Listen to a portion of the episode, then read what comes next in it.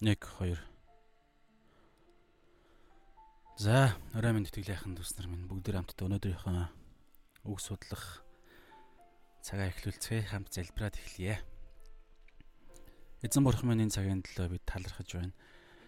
Яг одоо бидний мах бод сүнс сэтгэл зүрх маань зөвхөн таны үг рүү, таны үнэн рүү хандаж оюун бодлоо өөрсдийнхөө үндсийн эрх ашгаа эзэн таны үгэн дээр суйрлуулж таны үгийн дагуу бид өөрчлөгдөхийг хүсэж байна эзэн. Эзэн минь бид зөвхөн мэдээ зогсохгүй бидэнд таны хүч эзэн та хэрэгтэй учраас та бидэнд ариун сүнсөө өгсөн. Тиймээс ариун сүнс эзэн таныг яг энэ цаг мөчид бид чагнаж байна. Эзэн та бидний бодлыг шинжилээч. Өөрийнхөө оюун ухаантай та адил болгон шинжилээч хэмээн Есүс Христийн нэрээр энэ цагийг тань даатхан залбирч байна. Амен. За өнөөдрийн хэсэг бол Матай 10 дугаар бүлэг 16-аас 25 гэсэн хэсэг байна. За тэгээд уншихаас өмнө нэг зүйлийг хэлэхэд а Библийн ерөнхийдөө энэ бүлэг бүлгийн тоо байгаа те. Жишээ нь Матай 28 бүлэгтэй гэх мэтчлээ. Энэ бүлгийн тоонууд бол энэ ишлэлийн тоонууд бол яг нөгөө бичээч нарын үед бичээч нар маань өөрсдөө ингэж хуваарлаагүй байдаг. Тэгэхээр энийг дараагаар нь бүр дараа нь хуваарлсан а ингэж хуваарт оруулсан учраас бид энэ бүлгийн тоо, ишлийн тоог тоогоор ингэж аливаа зүйлийн утга санааг нь дундуур нь тасдаг ч юм уу өсгөө бол шинэ өөр санаа гарч ирлээ гэдэг юм уу. Тэгэж бодох нь тэгэж тайл тайлж унших нь бол жоох асуудалтай. Тэр тусмаа өнөөдрийн уншиж байгаа хэсэг бол яг нэг газар дээр шууд 12 элчээ эзэн илгээхтэй нэг суурин дээр хилсэн одоо шууд хамааралтай хэсэг учраас бүгдээрээ аль болох ингээд холбоод явна шүү. За тэгээд би уншия. Матай 10 16-аас 25. За өмнө нь юу боллоо та санаж байгаа бол 12 элчээ Есүс сонгоод тэгээд тэднийг хоёр хоёроор нь тэ ингээ илгээж байгаа штэ илгээж байгаа. Тэгээд тэнд очиод эрх мэдлүүдийг өгж байгаа, өвчнүүдийг альва сүнслэг ертөнцийн бүх өвчин зовлонг а бас сүнслэг ертөнцийн тэр бүх чөтгөрүүдийг хөөх, физикийн, физиологийн ертөнцийн тэр бүх өвчин зовлонг эдгэх энэ ертөнц хоёр ертөнцөөс бүр дээгүүр эрх мэдлийг өгсөн. Тэгэхээр альва эрх мэдлийг хин нэгэн хин нэгэнд өгж гинэ гэдгийг тухайн өгж байгаа нэг нь өөрөө эрх мэдэлтэй байж ижил эрх мэдлээ дараагийн хин нэгэнд өгдөг. Тэгэхээр эзэн дөөрт нь эрх мэдэл байгаа гэдгийг эзэн бас саа өвчтөө хүнийг эдгэх үедээ хэлсэн байдаг те хүний хүү газар дээр нүглийг уучлах эрх мэдэлтэй гэдгийг харуулахын тулд гээд саа өвчтөө хүнд бос дэвсгэрээ аваад гэртээ хараа гэж хэлэхэд тэр эдгэрсэн байдаг. Тэгэхээр тэгээд эзэн 12 элч нараа илгээж байгаа. Илгээхээс өмнө заавар зөвлөгөө өгж байгаа тэр нэг суурин дээр яригдж байгаа заавар зөвлөгөө юм шүү. За тэгээ бүгдээр уншия. Тэгээ өмнөх хэсэг дээр юу боллоо? Аа Самарын хотоор зөвхөн Израилийн газар нутгаар яваарай. Тэгээ биедээ бүү юу ч битгий авч яв гэж хэлсэн те. Тэгээд өвчтнүүдийг идгээж, дөрүүдийг зайлуул. Тэгээд Тэнгэрийн хаанчлал айсуу гэдгийг тунхаглыг хэлээрэ. Тэгээд хэрэгцээтэй зүйлийг чинь адилчид хэрэгцээтэй зүйлээр хангагдах нь зохистой учраас гээд цаанаасаа ханганаа битгий эргэлзээрээ юу ч битгий авч байгаагаараа л оч тэгээд үйлчил ерөө ерөөлийг авбал тэр хүн ерөөгд нь ерөөл тэр хүн авахгүй бол тоосоо гөвөөд яваараа ерөөлн та нар дээр эргэж ирнэ гэсэн ийм зүйл ярьсан. За тэгээ өнөөдөр үргэлжилж байгаа шүү. Яг үргэлжилж байгаа хэсэг. За би уншия. Матай 10-ын 16-аас 25. Хавчлаг зовлон хавчлаг айсвэ гэж байгаа үг. Яг. За би уншия. Харахтун би та нарыг сүрэг чонон дундах хонь мэт илгээж байна. Тиймээс могоо мэт ухаалаг, тагтаа мэт гимгүү бай харин хүмүүсээс болгоомжил. Учир нь тэд та нарыг шүүхэд тушааж синагог синагогуудад та нарыг ташуурдна. Та нар миний төлөө захирагчд ба хаадын өмнө хүргэгдэж тэдэнд болоод харийнханд гэрчлэл болно. Тэд та нарыг баривчлах үед яах билээ, юу хэлэх билээ гэж санаа бүүзов. Хэлэх зүйл чинь тэр цагт та нарт өгдөн. Яригч нь та нар бус та нарын дотор яригч эцгийн чинь сүнс юм Ахан дүүгээ эцэг нь хүүгээ үхэлд тушаана. Хүүхдүүд нь эцэг эхийнхээ эсрэг босож тэднийг үхэлд хүргэнэ. Миний нэрээс болж бүгд та нарыг үзен ядна. Харин эцсээ хүртэл тиссэн нь аврагдах болно. Харин тэд та нарыг энэ хотод хавчвал өөр хот руу зүгтаа Үннээр би та нарт хэлье. Хүний хүүг ирэхээс нааш та нар Израилийн хотуудаар явж дуусахгүй. Шавн багшийнхаа боол нь эзнийхээ дээр байдаггүй. Шавн багшийнхаа айдал боол нь эзнийхээ айдал болох нь л хангалттай. Хэрв тэд гэрийн тэргүүнийг Белзебуб, Белзебул хэмээн нэрлсэн бол гэрийнхнийг нь түүнээс ч илүүгээр хэлэх босоо. Амен. За өнөөдрийн хэсэг дээр өмнөх хэсэг дээр яг үргэлжилж байгаа хэсэг гэж би хэлсэн те. За өмнөх хэсэг дээр биедээ одоо энэ дээр би бичсэн те. Хувийн хэрэгцээн дээрээ битгий анхаар битгий төвлөр. Юу хэрэглэх бол яах бол даарах болов илүү хувцас. Ядрах болов яах бол мөнгө төрөх хэрэгтэй бол мөнгө төрг авч явъя. Тэгвэл би бас тэ а яах вэ ийх үү гэсэн тэр хувийн хэрэгцээн дээр битгий анхаар зөвхөн хаанчлалын хэрэгцээ буюу тэр үнгүү өгөгдсөн тэр жүтгэрүүдийг хөөх өвчин зовлонтой хүмүүсүүдийг идгэх үхсдийг амьлуулах тэр хэрэгт үнгүү авсан тэр бэлгээрээ бусдад үнгүү үйлчил Харин энэ үйлчлэх явцдаа тэгээд хаанчлалын тэр сайн мэдээ буюу хаанчлал айс үг гэдэг энэ тунхаглалыг хэл. Урд нь юу гэвэл Баптист Иохны энэ үйлчлэл шүү дээ. Тэгээ бас Баптист Иохан хэлсэн байдаг. Бас Есүс Христ дараа нь үйлчлэлээр эхлэхдээ хамгийн түрүүнд хэлсэн байдаг. Тэнгэрийн хаанчлал айс үү. Тэгээ одоо энд дагалдагч нар элч нар хэлж байна. Яг 12 элч нар түүхэндх давтагдчихгүй энэ 12 элч нар маань бас ийхүү тунхаглаж байна. Тэгэхээр ингэж явхад тэдэнд хэрэгцээтэй байдаг анх шатны хэрэгцээндээ битгий санаа зовоо гэж хэлсэн.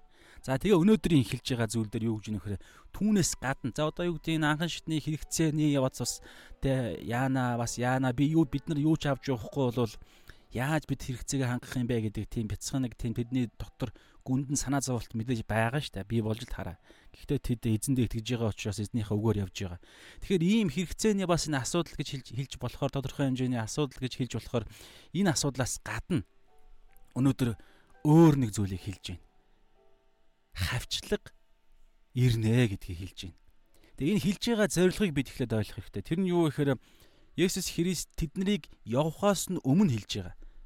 Энэ маш утга учиртай. Яагаад вэ гэхээр явсныхын дараагаар нь аливаа зүйлийг босны дараа нь эзэн сайн ийм болчлоо яагаад ингэж байгаа юм бэ гэдэг ингүүт нь а энэ ийм учиртай байсан юм а гэж тайлбарлах бол шудраг биш шүү дээ. Тийм учраас яг жинхэнэ бүгдийг мэддэг, үннийг мэддэг, те бүх цаг үеийг мэддэг, тэгээд альва зүйлийг бүгдийг мэддэг тэр агуу хүчит бурхны тэр чанар бол ирээдүйд юу болохыг хүртэл мэдж байгаа. Тэрнээс гадна энэ хаанчлалын хоёр хаанчлал гэж хэлэхэд бас буруудахгүй те сатаны хаанчлал, бурхны хаанчлал хоёрын хооронд энэ нэг юм сүнслэг одоо энэ тэмцэл байгаа шүү дээ. Тэгэхээр энэ тэмцэл дунд а хоорондоо бол бие биенээ тэр эсэргүүцэх бие биенийхээ эсрэг байх тэмцэл угаасаа байгаа. Тийм учраас Бурхны хаанчлалыг тунхаглаж байгаа энэ мессенжер, энэ элчнэр, энэ апостол гэж байгаа энэ элч тунхаглагч, тэгээ бүрэн эрэхтэй энэ тунхаглагч. Тэгээ чөтгөрүүдийг хөөж байгаа гэж бодлоо. Чөтгөрүүдийг хөөнө гэдэг чинь чөтгөрийн эсрэг тулаан хийж байгаа зү. Өвчин зовлон чинь бас чөтгөрийн төр хийсэн юмны үр дүн. Үхэл хүртэл чөтгөрийн төр хийсэн а гим нүглийн үр дүн баггүй юу? Гим нүглийн хөлс бол үхэл гэж байгаа Ром дээр. Тэгэхээр жүтгэрийн эсрэг угаасаа энэ бүгдийг хийсэн хийж байгаа юм тулаан байхгүй. Тэгэхээр жүтгэр угаасаа аа энэ ертөнцийн тэр бусад зүйлсүүдийг энэ ертөнцийн дээрх тэр хүчин зүйлсүүдийг ашиглаж угаасаа хавчлага ирэх нь тодорхой гэдэг эзэн наан нь хэлж байгаа. Зорилго нь юу вэ гэхээр битгий одоо гинтийн айцд битгий авт. Ирэх нь угаасаа зайлшгүй гүссэн тийм сэтэлтэйгээр, тийм хүлээцтэйгээр та нар аа энэ тунхаглал энэ илгээлт рүү яваа гэсэн санаа. Тэгэхдээ зүгээр нэг тий а бүх хэрэгцээтэй мэдээллүүдийг за одоо өгж гин. За одоо бүгдээрээ унши ихнээс нь. Тэгээ зайлшгүй тулгуурах асуудлуудыг өөртчилж анхааруулж байгаа. Энэ өөртчилж гэдэг нь маш чухал давуу тал эзэн бурхны тэр агуу хэмжээ шүү мэдлэг. Тэгээд энэ төлөвлөгөө төлөвлөгөөг тийм учраас бид альва хавчлаг зовлон ирэх үед бид айж эзэн бурхан минь ялагдчихж байгаа юм уу эсвэл бурхан байхгүй биш үсттэй эсвэл те За одоо би гим үйлдэлчлээ ч юм уу эсвэл сатаа ингээ ялчлаа ингээ ямар нэгэн буруу болоод байна гэдэг тийм буруу дүгнэлт хийхгүй тулд энэ бол зайлшгүй юм аа гэж хаашаа бүр ярьж байгаа. А эзнийг чинь багшийг чинь хүртэл эзнийг чинь хүртэл ингэж хавчиж байгаа юм чинь та нар ч гэсэн хавчигдах нь зайлшгүй. Битгий аа битгий санаа зов энэ болох ёстой юм гэсэн санаа хэлж байгаа. Гэхдээ ингэж болох ёстой ч гэсэн зөндөө олон биднэрт одоо ингээл бидний талаар ярьж байгаа шүү дээ нэг юм бас тодорхой хэмжээний. Гэхдээ бид бас ингээд те аль болох ингээд өөр өөрсдийнхөө яг өнөө цаг үе дээр буулгаад ингээд ярилцаад явахыг хичээе. За тэгээ 16 дээр юу гэж байгаа вэ гэхээр За одоо энэ 16 дээр тэр илгээгдэж байгаа тэр энэ тулааны талбар руу илгээгдэж байгаа нөхцөл байдлыг дүрсэлж хэлж байна. За ямар байдлаар итгэгч нар ингэж төрслөгдөж байгаа вэ гэхээр би та нарыг сүрэг чонон донд хонь мэт илгээж байна гэжсэн. Тэгэхээр энэ дээр хар да сүрэг чонон дундах хонь. Сүрэг чон гэж энэ олон тоон дээр байгаа. Хонь гэдэг нэг тоон дээр яг энэ англи хэлэн дээрээ байлаа. Тэгээд за ингээд энэ хэлсэн. Сүрэг чонон дунд сүрэг чон руу нэг хоног явуулж байгаа юм шиг ийм дүрслэл байна. За энийг бүгдээрээ сайн ойлгох хэрэгтэй. Яг ийм байдалтай сүнслэг ертөнцид ийм л юм байна гэсэн үг. За тэгээд бүгдээрээ харъя. Сүрэг чонон дунд хонь орохлоор нэг хонь сүрэг чон дунд руу орохоор тэнд ямар асуудал өөдөөс угтаж хүлээж авах вэ? Нэгдүгээрт аюул. Шууд аюулд орно. Хоёрдугаарт аюул нь цаашаага тодорхой хэмжээнд хүрэхээр үхэл болж хувирна те. За миний бодож олсон хоёр нөхцөл байдал энэ байна. Аюул, үхэл гэсэн хоёр зүйл. За энэ хоёр зүйл байгаа. Тэгэнгүүтээ эзэн хэлсэн. Аа, тиймээс гэж байгаа. Яг ийм нөхцөл байдал дунд орж байгаа. За энэ яач вэ? Ямар нэгэн байдлаар гацсан уу юу зогссон бол манайхан хэлээрээ. За би нэг шалгаатах юм. За гайгүй юм шиг байх юм. За аа аа яг ийм нөхцөл байдал донд Есүс Христийн элчнэр 12 элчнэр. За өнөөдөр ч гэсэн Есүс Христийн дагалдагч нар дэлхий рүү ийм байдалтай илгээгдэнэ. Тэгээ 2 дугаар Тимот энэ дээр хараа 2 дугаар Тимот хамгийн сүүлд байгаа 2 дугаар Тимот 3:12 дээр юу гэж хэлсэн бэ гэхээр 2 дугаар Тимот 3:12 дээр бурханлаг амьдралаар амьдрахч бүхэн хавчигддаг аа гэж хэлсэн байдаг. Энд дээр би уншия. 2 дугаар Тимот 3:12 дээр Үнэн дээр Христ Есүс дотор сүсэг бишрэлтэй буюу гадли гэж англиэр байгаа юм. Сүсэг бурханлаг гэж хэлж болно. Үнэн дээр Христ Есүс дотор сүсэг бишрэлтэй амьдрахыг хүсэгч бүхэн хүн хүсэгч бүх хүн хавчигдах болно гэж байгаа. Тэгээ 13 дээр харин аа чи биш харин ёрын юм уу хүмүүс мэхлэгчд хуурч хууртагдан улам муудна гэж байгаа. Тэгэхээр бурханлаг амьдрахыг хүсэж байгаа нэг нь энэ дэлхий дээр яалтчгүй хавчигдахаар ийм дэлхий дээр байгаа. А бурханлаг биш амьдарж байгаа нэг нь өөрөө бусдыг хуурна, өөрөө бас энэ нийгэм энэ тэр бузар муу нийгэмдээ хууртагдаад улам муудна гэж байгаа. Тэр бурханлаг бос ёр муугаар амьдарж байгаа учраас тэр нь улам муудна. Гэхдээ энэ нийгмээсээ хавчлаг авахгүй. За одоо тэгэхээр итгэгч нар болохоор яаж байгаа вэ гэхээр а энэ нийгэм рүү Тэнгэрийн хаанчлалын мэдээг тунхаглахаар илгээгдэх үедээ Одоо яг энэ юун дээр бол сүрэг чон дунд хонь мэт хилэгдэж байгаа. За бүгдээр эхнээс нь харъя. Тэгэхээр сүрэг чонон дунд альва нэг хонь орохдоо аюулд учирдаг. Тэгэхээр тэр аюул гэдэг чинь та бодоорой асуудал асуудалд орно гэсэн үг. Аюул гэсэн асуудалд орж байна. Тэгэхээр аа тэгээ эзэн ингэж хэлсэн. Аа тиймээс могоо мэт ухаалаг мэрэгэн ухаантай wise гэж байгаа. Могоо мэт мэрэгэн ухаантай тагтаа мэт гимгүй тагтаа мэт гимгүй бай гэж байгаа. Ийм сүрэг чонон дунд сүрэг чонон дунд орсон учраас та нар энэ хоёр зүйлийг ийм хоёр төлөв байдал заашгүй байх хэрэгтэй гэж. Тэгээ би ингээ бодож үзлээ л дээ. Аа чонон дунд хонь орохоор хамгийн анхны асуудал бол шууд аюулд орно. Хамгийн ихний тэр тулах өөдөөс ирэх зүйл аюулд орно. Хоёрдугаар тэр аюул нь ингээд бүрэн эзлээд ирэхээр аюул бүрэн ингээд бидний эзэмдээд тухайн хоньыг эзэмдээд ирэхээр хоньёогоо барьж идэн. Тэгэхээр үхэл. Тэгэхээр альва асуудал донд байхдаа эзэн хэлж штэ могоо мэт ухаалаг бай гэж байна. Могоо мэт ухаалаг. Могоо. Тэгэхээр могоо гэдгийг бид нар нэг юм эдэн цэцэлгийн түүхээр бол та их тийм зайлтай гэдэг байдлаар те. Гэхдээ яг одоо энэ юугаар арах юм бол үгүй арах юм бол ухаалаг гэж байгаа нэгдүгээр хоёрдугаар би бас ингээд урд нь хальт сонсч ирсэн санагдаж байна. Тэнгэр элч нарын тодорхой ямар тэнгэр элч нар гэлээд байвц тэр тэнгэр элч нарыг илэрхийлсэн тэр а ямар номын би хаанаас гэдэг нь мартчих. Ямар ч нэг библийн нэг хэсэг дээр тэнгэр элч нарыг илэрхийлэхдээ а тэр могоо гэсэн үгийг илэрхийлсэн байгаа байхгүй могоон дүр төрхтөө мэт могоон илэрлэр цаана гол нь юу байх гээд юу илэрхийлж байгаа гэхээр мэрэгэн ухаан ухаалаг гэсэн санаа Тэгэхээр могоо хэрэг мэрэгэн ухаан буруу хэрэглүүл зал болдог штэ. Зөв хэрэглүүл яг тэр ухаан мэрэгэн ухаан болоод амьдралд нь өөрт нь болон бусдад үр өгөөж өгддөг. Тэгэхээр буруу зөв нь хамаа авахгүй тэр могооны тэр нэг юм ухаалаг чанар, мэрэгэн ухаалаг чанар хилж байгаа. Тэгэхээр энийг ямар үед хэрэгтэй вэ гэхээр аюулд орохгүй тулд та нар мэрэгэн ухаантай бай гэсэн санаа. Тэгээд энэ дэр сүүл дээр нь та нар анзаарах юм бол 23 дээрээс байгаа. Зайлсхийх, аюулаас зайлсхийх, хавчлагаас зайлсхийх талаар эзэн ярьж байгаа. Тэгэхээр итгэгч нар аа Тэнгэрийн аанчлалын дуудлагаараа Тэнгэрийн аанчлалын тэр сайн мэдээ, Тэнгэрийн аанчлалын тэр гайхамшгүүд үйлдэх ч юм уу Есүс Христийн нэрийг л алдаршуулахын төлөө хийж явах үед асуудалд аюулд орно. Асуудлууд бий болдог. Тэгэхээр тэр асуудлууд бол зайлшгүй. Гэхдээ тэр асуудлуудыг мэрэгэн ухаан мэрэгэн ухаан биднэрт маш чухал хэрэгтэй байгаа даа. Тэр мэрэгэн ухаан нь яах вэ гэхээр асуудлуудаас зайлсхийх, асуудлуудыг заавал асуудлуудыг өөр дөрөө авах биш. Асуудлуудаас зайлсхийж, асуудлуудыг бий болгохоос нь аа зайлсхийх, бий болгохгүй байх гэсэн тийм мэрэгэн ухаан хэрэгтэй байгаа байхгүй юу? Тэгээд тэр асуудлууд угаасаа гарч ирэх нь тодорхой. Цаанаас бол тэр гаднаас бол зайлшгүй асуудлууд, товтлогоонууд орж ирнэ. Гэхдээ тэр нь биднээс бидний мунхаг байдлаас болж асуудлуудыг бид өөрсдөө мунхаг мунхаг байдлаасаа болж асуудлуудыг шаардлагагүй асуудлуудыг бид өөрсдөө бий болгох болгох хэрэггүй болгож болохгүй гэдэг хэлж байгаа. Харин бид нар хичнээн мэрэгүү ухаантай байсан ч асуудлууд үүснэ. Тэр үед яах вэ нь дараа нь ярина. Гэхдээ эхний ээлжинд бид өөрсдөө асуудлуудыг үүсгэж болохгүй гэсэн үг.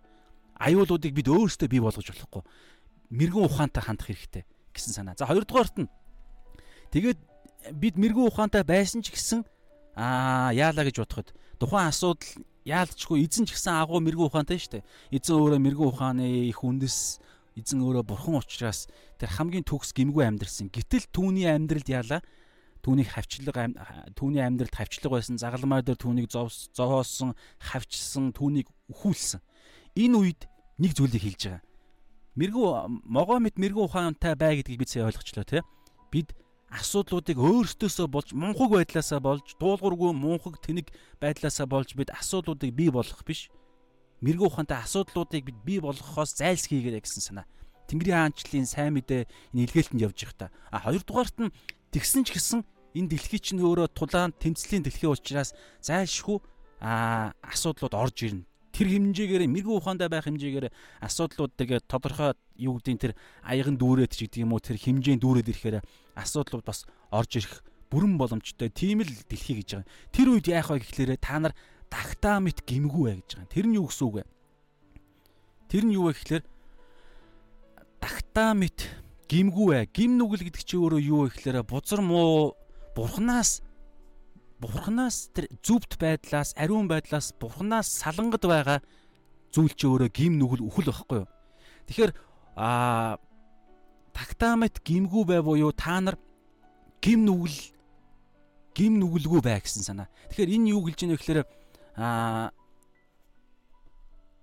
сүрэг чонон донд хонь хонь мэт илгээж ийн гэсэн шүү дээ. Тэгэхээр тэр үед бид нар бол шаардлагат шаардлагатай бүх зүйлээ хийн аа тэр хавчлах шаардлагагүй хавчлах зовлон бий болохгүй төлөө мэрэгэн ухаантай хандна. Гэтэл ингэж явж байгаа хизээ нэгэн цагт магадлалаар ч юм уу магадгүй ингээд яг хавчлах нь бүр ингээд яг бодиттой биднээс үл хамаарсан хавчлаг ирээд үхэл ирлээ үх нэг бол үх нэг бол та нар итгэлээсээ урвч юм уу нэг бол та нар эзний өгөөсөг нэг бол та нар надад мөрөг нэг сатаны те эсвэл тэр а түүхэнд олон болж исэн тэр итгэлийнхэн төлөө амиа өргөссөн хүмүүсүүд шиг тийм хэмжээний юм ирэх үед яах вэ гэхээр та нар гимбүү үйл дээрээ буюу бузар муутай битгий нэг дээрээ тэрний гэсэн үг? Бурхныг үгүйсгэх. Аа тэр одоо энэ дээр ингэж байгаа дараагаар нь дараагийн видеон дээр гарна юунаас айх ёстой талаар гарна. Өнөөдөр бол үзэхгүй. Гэхдээ юунаас айх юунаас битгий? Өнөөдөр бид юунаас битгий айгаараа айхгүй байх зүйл үзэж байгаа байхгүй. Дараагаар нь айх ёстой зүйлийг дараагийн имчилэг дээр үзнэ тэгэхээр тэр нэгнээс л бид айдаг. Тэр бол бурхан эзэн те тэр мах сүнс мах мах бод сүнсийг хоёулангийн шийтгэх чадaltaй. Тэр нэгэн шудраг шүүгчээс та нар айна өгөхөөс биш. Зөвхөн махбодыг өхүүлдэг одоо энэ зүйлээс битгий аа гэсэн санаа байхгүй юу. Тэгэхээр хэрүү бид энэ махбодын үхлээс махбодын зовлонгоос бид хэрүү айж тэгээд аа айхаараа бид нөгөө сонголт хийх гэдэг нь шүү дээ. Тэр одоо юу гэдэг юм хавчлаггүй байхыг бурхнаа үгүйсхийг ч гэдэг юм уу те. Ингээд ирэхээр бид шууд нөгөө гим нүглийг чинь хэлбэр واخхой юу. Бид бурхныг үгүйсгэж байгаа чинь бурхнаа салж гин. Тэгээ бид мөнхийн тэр үхлээс биш мөнхийн үхлээс биш энэ ихний үхэл махуудын энэ ихний үхлээс л бид айж гин. Тэгэхээр сүрэг чон дунд хонь мэт биднийг илгээсэн шүү дээ. Тэгэхээр хонь бол сүрэг чонд орсон бол за ер нь бол тодорхой үхэн тодорхой бол авчиж байгааз. Тэг. Гэхдээ энд хончингийн асуудал яригдана. Одоо би жоохон байж байгаа ярина. Гэхдээ ер нь бол яг тэдний анхныхын төлөв байдал нь шууд үхэл рүүгээ баг илгээгдэж байгаа гэсэн санаа. Тэгэхээр энэ үүнтэй эвлэрэх асуудал ярих гэдэг байгаа байхгүй юу? Хүн болгон угаасаа энэ дэлхий дээр төрсөн нь үнэн, үхэн үнэн. Тэгэхээр хүн болгон угаасаа үхэн. Гэхдээ үхтэй одоо нөгөө сайн үхэл, муу үхэл гэдэг шиг бид хин ямар дүр төрхтэй өгөх вэ? Бузар муу бузар муугаас айж бурхнаас айхгүйгээр буюу хоёр дахь үхлээс мөнхийн үхлээс айхгүйгээр бузар муугаас айгаад бид бурхныг үгүйсгээд бузар муугаас айгаад энэ дэлхий дээр нэг жоохон жаргаж байгаад энэ дэлхий дээр хаанчилж байгаа ч юм уу. Тэгээд угаасаа үхэн угаасаа гим нүглийн шийтгэл бол үхэл учраас шүүгч нь сатан биш бурхан өөрөө учраас зайлшгүй бузар мууг шийтгэн тэгэхээр угаасаа үхэн. Тэгэхээр нэгэн тал бид тийм үхэх дэлхий дээр байгаа юм чинь бид үхэхтэй бүр цаа дараа нь болох тэр аим шигтэй үхэл байгаа. Бүр харьцуулшгүй үхэл. Тэр үхлийг үхлээс бид айхын зүв байгаад байгаа байхгүй. Харин энэ үхлээс биш. Тийм учраас бид муугаас ангид гэдэг нь юу гэсэн үг вэ гэхээр бид өөрсдийн махуудын эрх ашигынхаа төлөө явахаас ангид гэсэн үг. Би өөрөө өөрийнхөө төлөө явахаас өөрөө өөрийнхөө таалалд нийцүүлж амьдрахаас ангид байгаарай гэсэн санаа. За Энэ бол ерөнхийдөө гимгүү байдал гэсэн үг байхгүй юу? Гимтэй байдал гэдэг чинь бузар муутай хамтарсан байдлыг хэлж байгаа. Гимгүү байдал гэхээр бузар муутай хамтарсан биш, бурхантай хамтарсан. Тэгэхээр нөгөө талдаа бузар муугаас салангад гэсэн үг. Харин гим нүгэлтэй болохоор бурхнаас саланг бузар муутай хамтарсан. Тэгэхээр муугаас ангид харин бурхантай хамт гэсэн. Тэгэхээр ийм төлөв байдал донд ийм хоёр чанарыг та нар тээгэрэй гэсэн үг байхгүй юу? Бид өөрсдөөсөө шалтгааллах мэрэгүү ухаан донд амьдрна.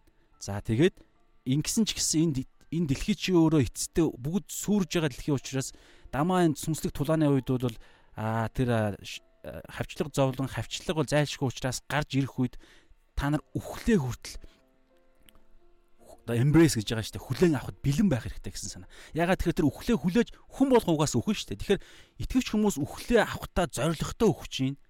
Тэгээ тэр үхэл нь хүртэл ололт байгаад байгаа байхгүй юу?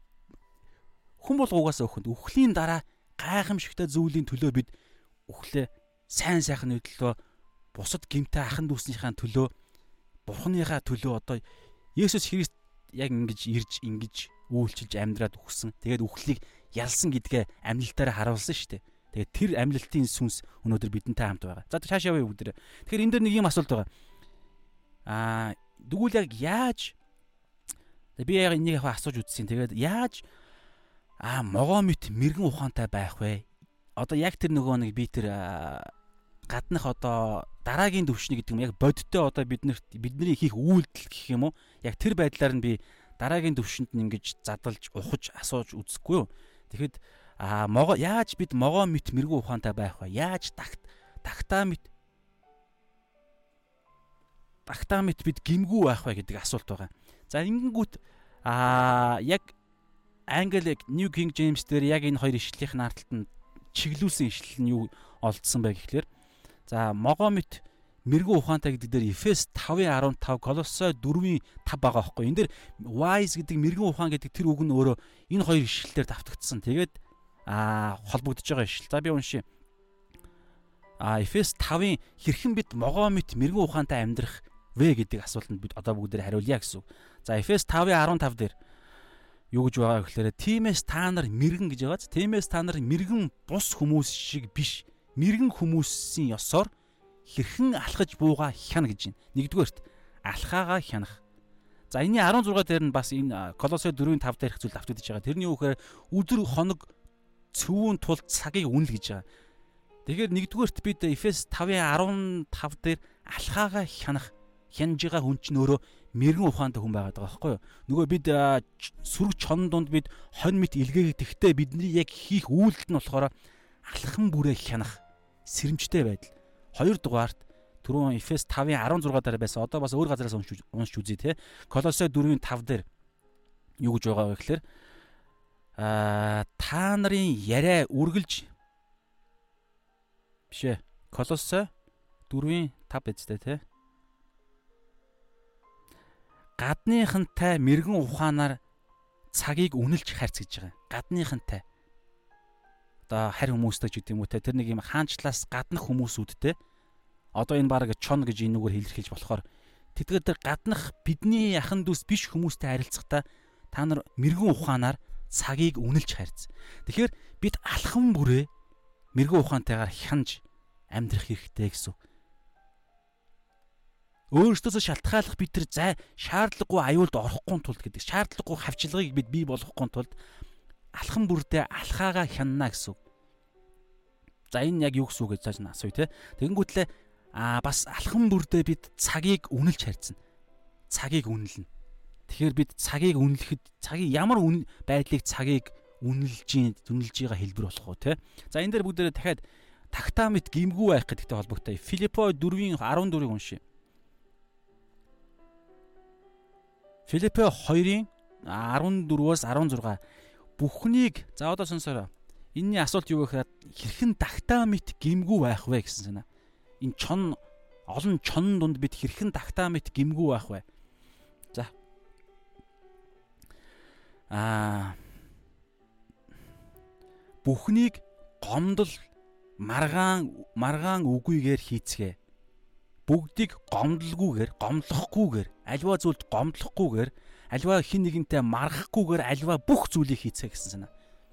Нөгөө чоннуудтай харилцахдаа ч гэсэн өөр хоорондоо харилцахдаа ч гэсэн тэгэхээр одоо чон гэдэгт бид асуулт асуулт чон гэдэгт гэж юу хэлж ийнэ гэдгийг бид хариулааг байгаа шүү дээ. Ямар ч үсэн та бодоо явж байгаарай. Чон чон дунд байхдаа бид юунд ч гомдлохгүй. Түрүүн би ярьсан шүү дээ. Үхэлтэй холбосон те тэр эхний үхэл буюу тэр үхэл бүр ирэхэд хүртэл бид эзэндээ эсвэл биднийг шудраг бусаар шүүж үхүүлэх гэж оролдож байгаа тэр хүмүүсүүдэд бид гомдлохгүй гэсэн санаа. За бидний хонтой зөрүүлсэн шүү. Хонь бас ийм дүр төрх байгаа. За бүгдээрээ тэгээ бодоорой та. Тэгээд маргаангүйгээр, мархахгүйгээр. Тэгээ энэ дээр бас нэг зүйл ингээ анзаархаа тэр англиг нь бас уншихаар чоныг бид өөрсдөө бий болгохгүй бас нэг юм хэлбэр анзаарчихсан баггүй юу? Одоо бид нөгөө мэрэгэн ухаан могоо мэт мэрэгэн ухаантай байхын тулд бид шаардлагагүй асуудлуудыг бий болох болохгүй байх чадвартай гэдэг байгаа шүү дээ. Тэд үүний тулд бид алхан бүрээ хянана, цагаа хянана, үг яриагаа хянана гэсэн. Тэгэхээр ингэж а хэрэг ингэхгүй бол өөрсдөө бид чонуудыг бий болгоно гэсэн. Чонд бид өөрсдийгөө идүүлэхийн тулд өгөөш нь болохын тулд бий болно гэсэн. Тэгэхээр үүний бас нэг зүйл нь юу гэхээр бид амьдрал дээрээ, ажил үйлчлэл дээрээ, харилцаан дээрээ бид гомдлохгүй байж сурах хэрэгтэй байгаа. Гомдлохгүй. Яагаад гэвэл бид угаасаа үхэл рүүгээ илгээгдэж байгаа гэсэн нэг тийм энэ нэг юм төлөв байдлыг бид бас аа ариун сүнснээс та асуугаараа ойлгохыг хичээгээр. Угаасаа хүн болгоо өхөн. Угаасаа өхөн. Тэгэхдээ бид үхэхдээ ямар үхлээр өөх вэ гэсэн санаа. Айцтай те бузар муугийн талд орж өөх үү эсвэл бид ялагч мэт өөх үү. Тэгээд бидний үхэл олон хүмүүсүүд нөгөө а үр шиг гिचийн үр шиг гिचийн үр өгч ижил тэндээс асар том мод ургадаг штэ. Тэгэхээр тийм үр жимстэй өхөл байх уу? Тэгээ эн чин мөнхийн өхлийн хажууд нэрэ харьцуулшгүй. Мөнхийн өхлийг үнэхээр аим штэ. Бас энэ тал дээр нэг видео бодоол байгаа юм. За тэгээд бид маргаангүй гомдлохгүй би хувийн одоо ер нь яагаад гомдол үүсдэг яагаад маргаан үүсдэг вэ би би гэсэн үзлээс ихгүй хуваа хичээсэн би би гэсэн үзлээс миний энэ зүйлийг энэ хүн ингэчлээ гэсэн гомдол эсвэл би ингэж ийм байр суурьтай байхад энэ хүн ийм байр суурьтай байна. Минийх л зөв, минийх л зөв гэсэн байдал. Гэтэл бид минийх биш, бурхных Библи. Тэгээ Библи нөгөө одоо юу гэдэг тэр Библийг яг тэр зөв ойлгосон. Тэгээ тэр байтугай бүр одоо энэ дэр чи Есүс Христийн нэрээс болж хавчигдана гэсэн юм яриад байгаа байхгүй хамгийн гол нь. Мунхаг байдлаасаа болж биш. Тэгэхээр Есүс Христийн үннийг тунхаглаж байхад хүртэл хавчна. Тэр үед хүртэл гомдлохгүй, мархахгүйгээр бай гэсэн санаа. 3 дугаарт нь юу ярьж байгаа гэхээр Филиппо 2-ын 14-өөс 16 дээр ингэж байна. Амийн үгээс баттай бариул бариараа гэж байгаа. Тэгхийн бол Паул өөрийнхөө дэмийг зүд зүтгээгүү гэдгийг Христийн өдөр буюу шүүлтийн өдөр сайрхан баярлах болно гэж Паул хэлж байгаа. Тэгэхээр амийн үгээс баттай барих англи хэл дээр бол амийн үгээс маш хурдтай барих гэсэн санаа байгаа. Хурдан барих. Тэгэхээр алхан бүрээ хянаж цагийг үнэлж аливаа зүйлд гомдлохгүй марахгүй байхын тулд бид амийн үгээс барих хэрэгтэй болж байгаа юу? Амийн үг ч өөрөө бас эзэн Есүс шүү дээ. Тэгээд амийн үгээс бариараа гэсэн санаа. За, энэ дээр би нэг зүйлийг мартсан байна. Юу вэ гэхээр хонь та хоньыг боддоо. Тэгээ ингэж байгаа тэр сүрэг чон дундах хоньыг бид нар илгээхдээ хонь маань өөрөө ямар зан чанартай вэ? Хонь бол маш мунхаг амтэн бид мэдэн те. Хончин байхгүй бол хонь яаж бол яаж аа төөрж явж мангартах магадaltaй хонь. Тэгээд маш дорой. Хонь хонь руу чонд арихад хонь хонь өөрийгөө хамгаалах ямар нэгэн тийм хамгаалах юу юусоо байхгүй аа өөрт нь тийм эрхт эд эрхтэн гэж байхгүй. Бага ганц юм нь ерөөсөө зүхтаах.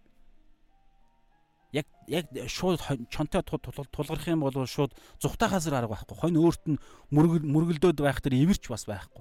Мэдээж ивэртэй нь байгаа. Гэхдээ ер нь дийлэнх хонь ивэр байдаггүй шүү дээ. Ямаанд ивэр байдаг. Тэгэхээр хонь бол өөрөө маш мунхаг, маш дорой. Тэгэхээр итгэгчдийн дүр төрх бас ийм байгаад байгаа байхгүй. Тийм учраас хонь хончноосоо хонь хончноосоо бүрэн хамааралтай байх тийм аа бүтээл бүтээлийн онцлогтой амтэн. Тийм учраас хонь заавал хончин хэрэгтэй. Тэгэхээр итгэгч нар бид нар бас яг юм. Бид нар хончны тэр удирдлага, хончны тэр хамгаалалт, хончны тэр мэрэгэн ухаангүйгээр, хончны тэр ариун сүнсгүйгээр, хончны үггүйгээр Библи болох үггүйгээр, хончны заавар зүйлгөөгүйгээр бид яах вэ гэхээр маш амархан төрж маш амархан бид араат нь идэж болдог. Тийм учраас бид өөрсдөө яг Библиэлд бол бидний итгэгчдийг хонь гэж зөвлөсөн. Тэгээ Есүс яг тийм төлөвтэй хонь мөртлөө эзэн бид нарыг сүр чон руу угаасаа бид яалтчгүй илгээгдэж орж байгаа. Тэгэхээр сүр чон руу илгээгдэхэд бид нарт яагаад гэж байгаа гэхээр эзэн бид нарт зүгээр нүм нүцгэн илгээгээгүй. Та нар анзаарах юм бол эзэн аа яг одоо жинхэнэ одоо юу гэдгийг асар яг жинхэнэ масыг хамарсыг илгээл хизээ боллоо яг одоо энэ Матай 10 дугаар бүлэг дээр биш шүү дээ. Бүр үйлс ном дээр болж байгаа.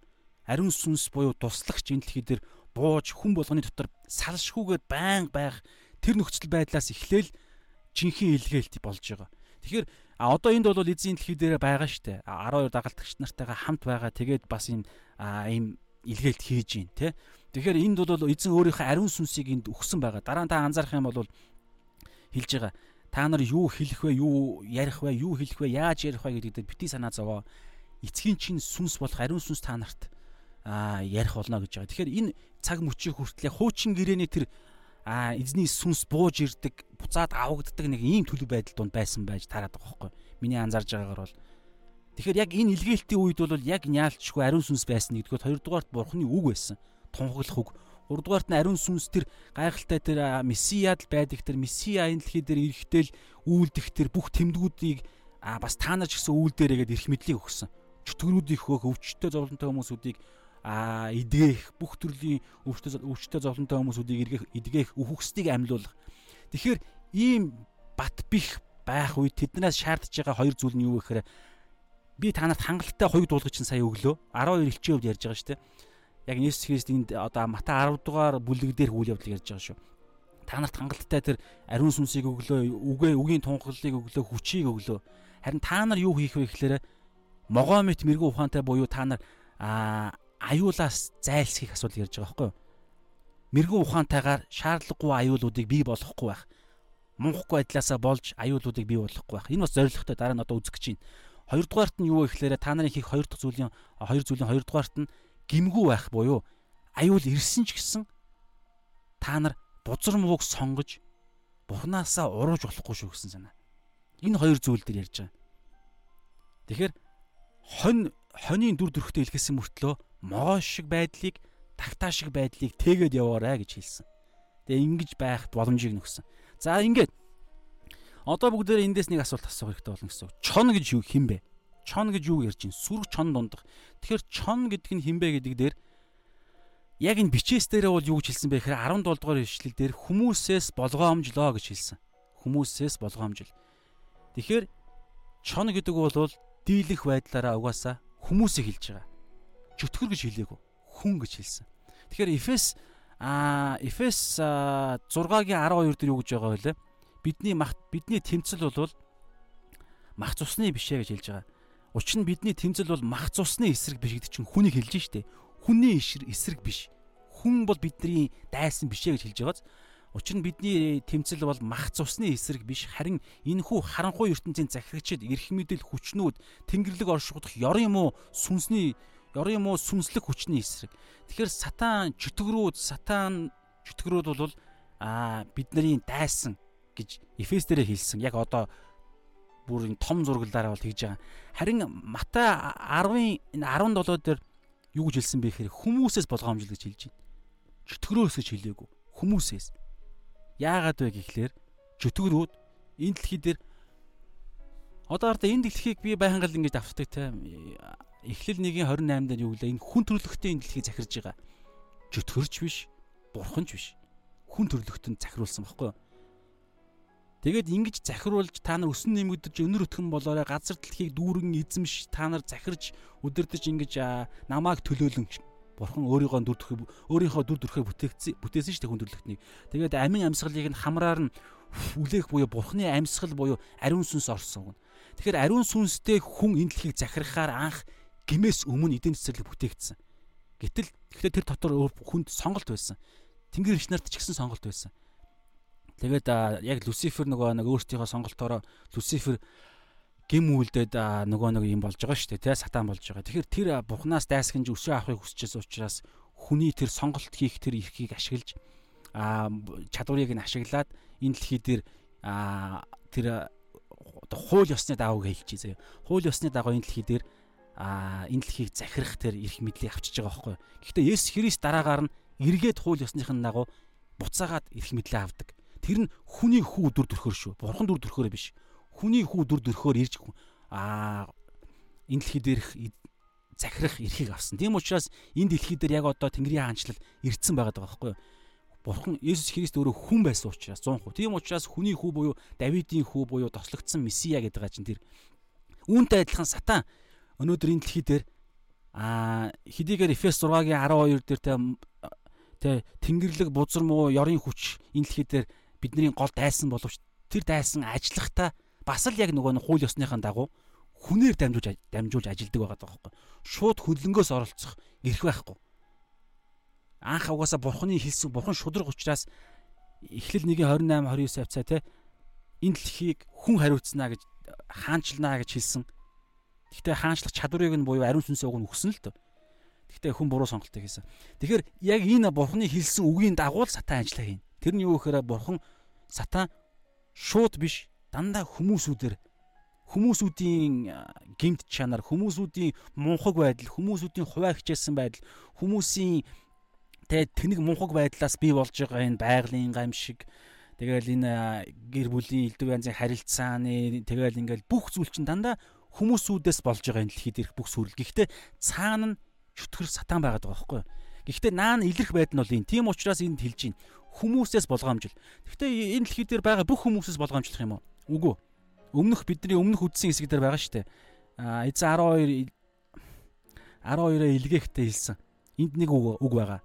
Зохистой хүнийг та нар олоод тэгээд тэр хотод сайн мэдээ, тэр авралын сайн мэдээг за авралын гэх юм уу те ямар ч байсан тухайн тэр яг энэ цаг яг энэ Мата 10 дээр 10 дээр бүлэг дээр л хэлсэн тэр эзний тунхагл гэсэн Тэнгэрийн хаанчл айсуу гэдэг энэ тунхаглыг эзний жинхэнэ авралын мэдээний өмнөх тэр замыг бэлтгэхийн тунхаглыг хийхэд хүлээж авах авж авах нээлттэй хүлээж авж байгаа хүн болгон одоо энэ дээр байгаа зөкстэй хүмүүс байгаа даа байхгүй. Тэгээ хамгийн анхныхаа зөкстэй үнэ олоод тэндээ та нар нөгөө нөгөө илгээхт ямар ч хувцс мовц мөнгө төрөг байхгүй илгээгдсэн шүү дээ. Тийм учраас э, дэм буудал орох мөнгөч байхгүй. Тийм учраас тэр сайн мэдээг тарааж ижил тэр зөкстэй хүн үү, зөкстэй хүн үү, зөкстэй хүн биш үү буюу өнөөдөр хэлж байгаагаар энэ чон байгаа даа байхгүй. Тэгэхээр нөгөө сүрэг чон дундах буюу энэ сайн мэдээ одоо энэ дээр хардаа сайн мэдээг эсэргүүцэж байгаа хүн болгон чинь нөгөө нэг чон буюу сатааны аа багаж болоод байгаа байхгүй юу. Тийм учраас энийг яаж хэн хизээ яаж мэдэх вэ гэхээр итгэгч нар сайн мэдээ тунхаглаж ижил мэднэ. Сайн мэдээ тунгалахад нөгөө хүн хүлээж авахгүй эсэргүүцэж байх юм бол энэ чон гэж ойлгоод тэгээд яах вэ гэхлээр тэгээд тэр хүн чинь тэгээ хэрүү бид тэр хүний төлөө тэгэж одоо юу гэдэг юм могоо мэт мэрэгүү ухаантай биш байдлаар үнэхээр чон гэд чон гэдэг нь илэрчээд байхад бид могоо мэт мэрэгүү ухаантай биш гинэн мунхаг гинэн байдлаараа бид бурхан энийг хайрлаж байгаа. Энэ хүн заашгүй би энэ хүнийг авармаа нэгэд маргалдаал мэтгэлцээл тэмцээл байх юм бол яах вэ гэхлээр одоо энэ 18-аас 22 дугаарх зүйлсүүд орж ирнэ гэсэн үг. Яах вэ гэхлээр тэднийг биднийг буруутгаад шүүгчд хаадуудад захирагч нарт харийнханд а буруутгаж яллаж аваачж өгнө. Тэгэхээр тэхгүй тулд юу хэлсэн бэ гэхлээр тийм учраас та нар могоо мэт мэрэгүү ухаантай буюу одоо энэ 23 дээр байгаа байхгүй юу гэж байгаа гэхлээр 23-ыг уншия. За би жоо алгасаа уншчихъя. Ягаад тэгэхээр ингэж холбож ойлгохгүй болохгүй. 23 дээр ингэж байна. Харин тэд та нарыг тэд буюу тэр могоо чоннууд сайн мэдээнд нээлттэй, сайн мэдээ нээлттэй биш, сайн мэдээг эсэргүүцдэг буюу тэр өмнөх хэсгээр зөкстэй хүн биш хүмүүс байл сайн мэдээ хүлээж авахгүй хүн байвал бидний өмнөх видеон дээр юу гэлээ тоос шороогоо гөвөөд яваарай гэж хэлсэн шүү дээ. Өнөөдөр бас энэ дээр бас адилхан санаа хэлж байгаа. 23 дээр юу гэж байна? Харин тэд та нарыг энэ хотод хавчвал өөр хот руу зүхтаа, өөр хот руу яваарай гэж байгаа зү. Яагаад ингэ цухтаалах гэдэг юм?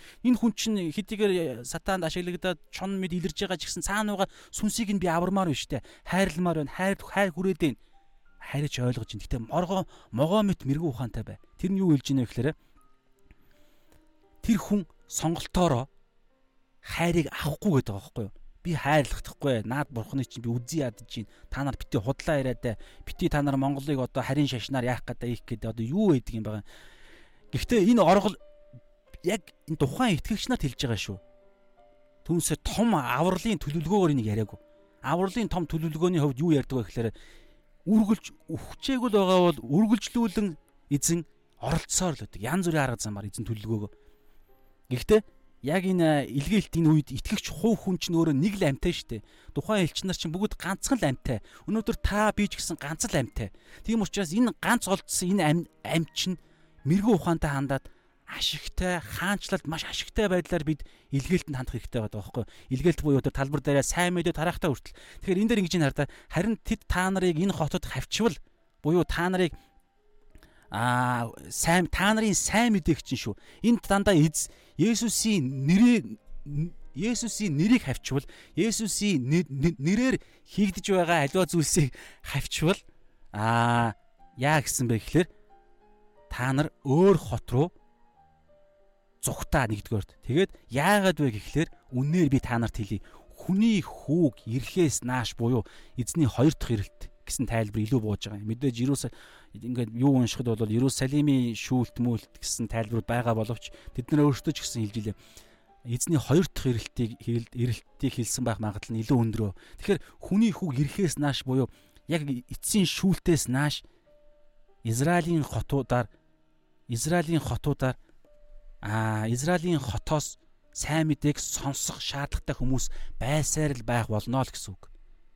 Тэгэхээр хардаа ургацсан ариун гэж хэлсэн шүү дээ. Ургацсан ариун аврагдах шаардлагатай хүмүүсийн тоо асар их байгаа. Ургацсын ажилчид нь дэндүү цөөхөн байна. Тэгэхээр байгаа хідэн ажилчид нь стратеги маш сайн мэрэгүү ухаантай буюу сүнсээр өдөрдүүлэгдэж могоо мэт мэрэгүү ухаантай байх хэрэгтэй байгаа юм. Тэр нь юу вэ гэхээр сайн мэдээгээ тунхаглахдаа нөгөө хүн чинь чон гэдэг нь илэрхий юм бол бид орхиод явах хэрэгтэй байгаа байхгүй. Орхиод өөр хот руу, өөр хүмүүсүүд рүү. Энэ дээр бол зүхтаа гэсэн санаа. Өөр хүмүүстийн зүхтаах хэрэгтэй. Өөр хүмүүсүүдөө зүхтаа. Яагаад вэ гэхээр нөгөө хичнээн хайрлаад сайн мэдээ тараах гээд оролдоод байгаа ч гэсэн тэр хүн чинь яг энэ цаг мөчид яг энэ цаг мөчид шүү өөр цаг үед эзэн зүрхийг нь зөөллөөд хаанч авралын төлөвлөгөө хэрэгжих хэрэгж нугасаа итгэж гин Гэхдээ залбирал хэрэгтэй. Би залбирсаар байх хэрэг. Тийм учраас залбирал маш чухал. Тэгэхээр тэр хүртэл бид яг энэ цаг энэ удаадаа бид цухтаах хэрэгтэй байгаа байхгүй. Тэгэхгүй бол аюул бид шаардлагагүй хавчлагыг бий болгох гээд байна. Шаардлагагүй бид аюулыг бий болгоод бид аминдаа аюул бий болгох гээд байна. Тэгтээ ардаа бид аюулаас айж цухтаах юм яриагүй шүү. Хэрвээ бид аюулаас айж цухтаах юм бол нөгөө дактамит гимгүү биш болчлоо гэсэн үг. Бид гим үлдчихлээ гэсэн санаа бид тэр үхлээс тэр аюулаас бид мах бодийн үхэл аюулаасаа бид айж хуваа хичээсэн тэр айцаасаа айж бидний төвлөрөл хаанчлалын төлөө хин нэгнийг амийг аврахын төлөө бүхнээ зориулах гэсэн тэр хаанчлалын зорилго буюу Есүс Христийн дэлхийд ирсэн зорилгоос бид хазааж байгаа зү. Буул тэгээд урвж байгаа мэт. англиар англиар бол compromise гэж байгаа тийм буулт хийж байгаа байхгүй. Энэ буулт чинь өөрөө маш аюултай. Энэ буултууд чинь сатаны хүсэж байгаа гол нөгөө нэг зориг чинь байгаа байхгүй. Тийм тийм учраас энэ өөр хотууд руу зүгтж байгаа энэ зүгтал зүгталт чинь юу вэ гэхээр стратегийн шилжилт байхгүй юу? Энэ хүн сайн мэдээ авахгүй тодорхой юм байна. Тэгэхээр бид шууд салаад авах хүн дээр нь очно гэсэн санаа сайн мэдээ хэрэг хэрэгтэй хүмүүс асар ихээрээ байгаа гэж хэлсэн шүү дээ. Харин энэ тохиолдолд магадгүй тэр чонноор илрээд байгаа тэр нэгэн чинь бидний хайртай хүмүүс байвал яах вэ? Адилхан. Гэхдээ бид өөрсдөө тухайн сайн мэдээ тарахж байгаа тэр цаг зориулалт тэрийг бид бидний хайртай хүнч вэ, бидний танихгүй хүнч вэ, бүх хүний сүнс адилхан үнцэнтэй. Бүх хүний сүнс бурханд бурхан бүх хүний сүнсэнд бурхан хайртай, хайртай охид хөвгүүд нь учраас. Тэгэхээр бид одоо юу гэдэг миний л хайртай учраас бид амиа бодож тэр хүний төлөө ингээл тэмцэлдэж яагаад ямар ч үр дүнгүй нөгөө үнж тгсэн юм байхгүй хайрын цагаа энэ дээр хэлсэн шүү дээ. Цагийг үнэлгээд байгаа зү. Харийнхантай харилцахдаа цагийг үнэл гэж байгаа. Тэгээ алхам бүрээ хяна гэж Эфес дээр хэлсэн. Эн чинь могоомит мэрэгэн ухаантай байдлын илрэл. Тэгэхээр тэр цаг шал авахгүй тэр хүнд сайн мэдээ тарааж ингэж хамаг цагаа харж алдж ийснаас сайн мэдээ авах хүмүүс хаа сайгүй байгаа. Тэр тусмаа хамгийн тодорхой илрэл бол ядуус байгаа шүү дээ. Ядуус гэдэг бол Тэнгэрийн хаанчлалд маш аа ойрхон хүмүүс шүү. Яагаад вэ гэхээр тэднэрт хэрэгцээ маш их байгаа учраас тэд ядуу гэдгээ хүлээн зөвшөөрч гисэн. Тийм учраас сүнсэндээ ядуу хүмүүс өрөөлтэй гэдэг байгаа чинь тэр нэг талаараа ядуу махбодын ядуус санхүүгийн ядуу байдлын тэр зарчим нь сүнслэг сүнслэг ядуу байдал дээр илэрх хэрэгтэй байгаа байхгүй.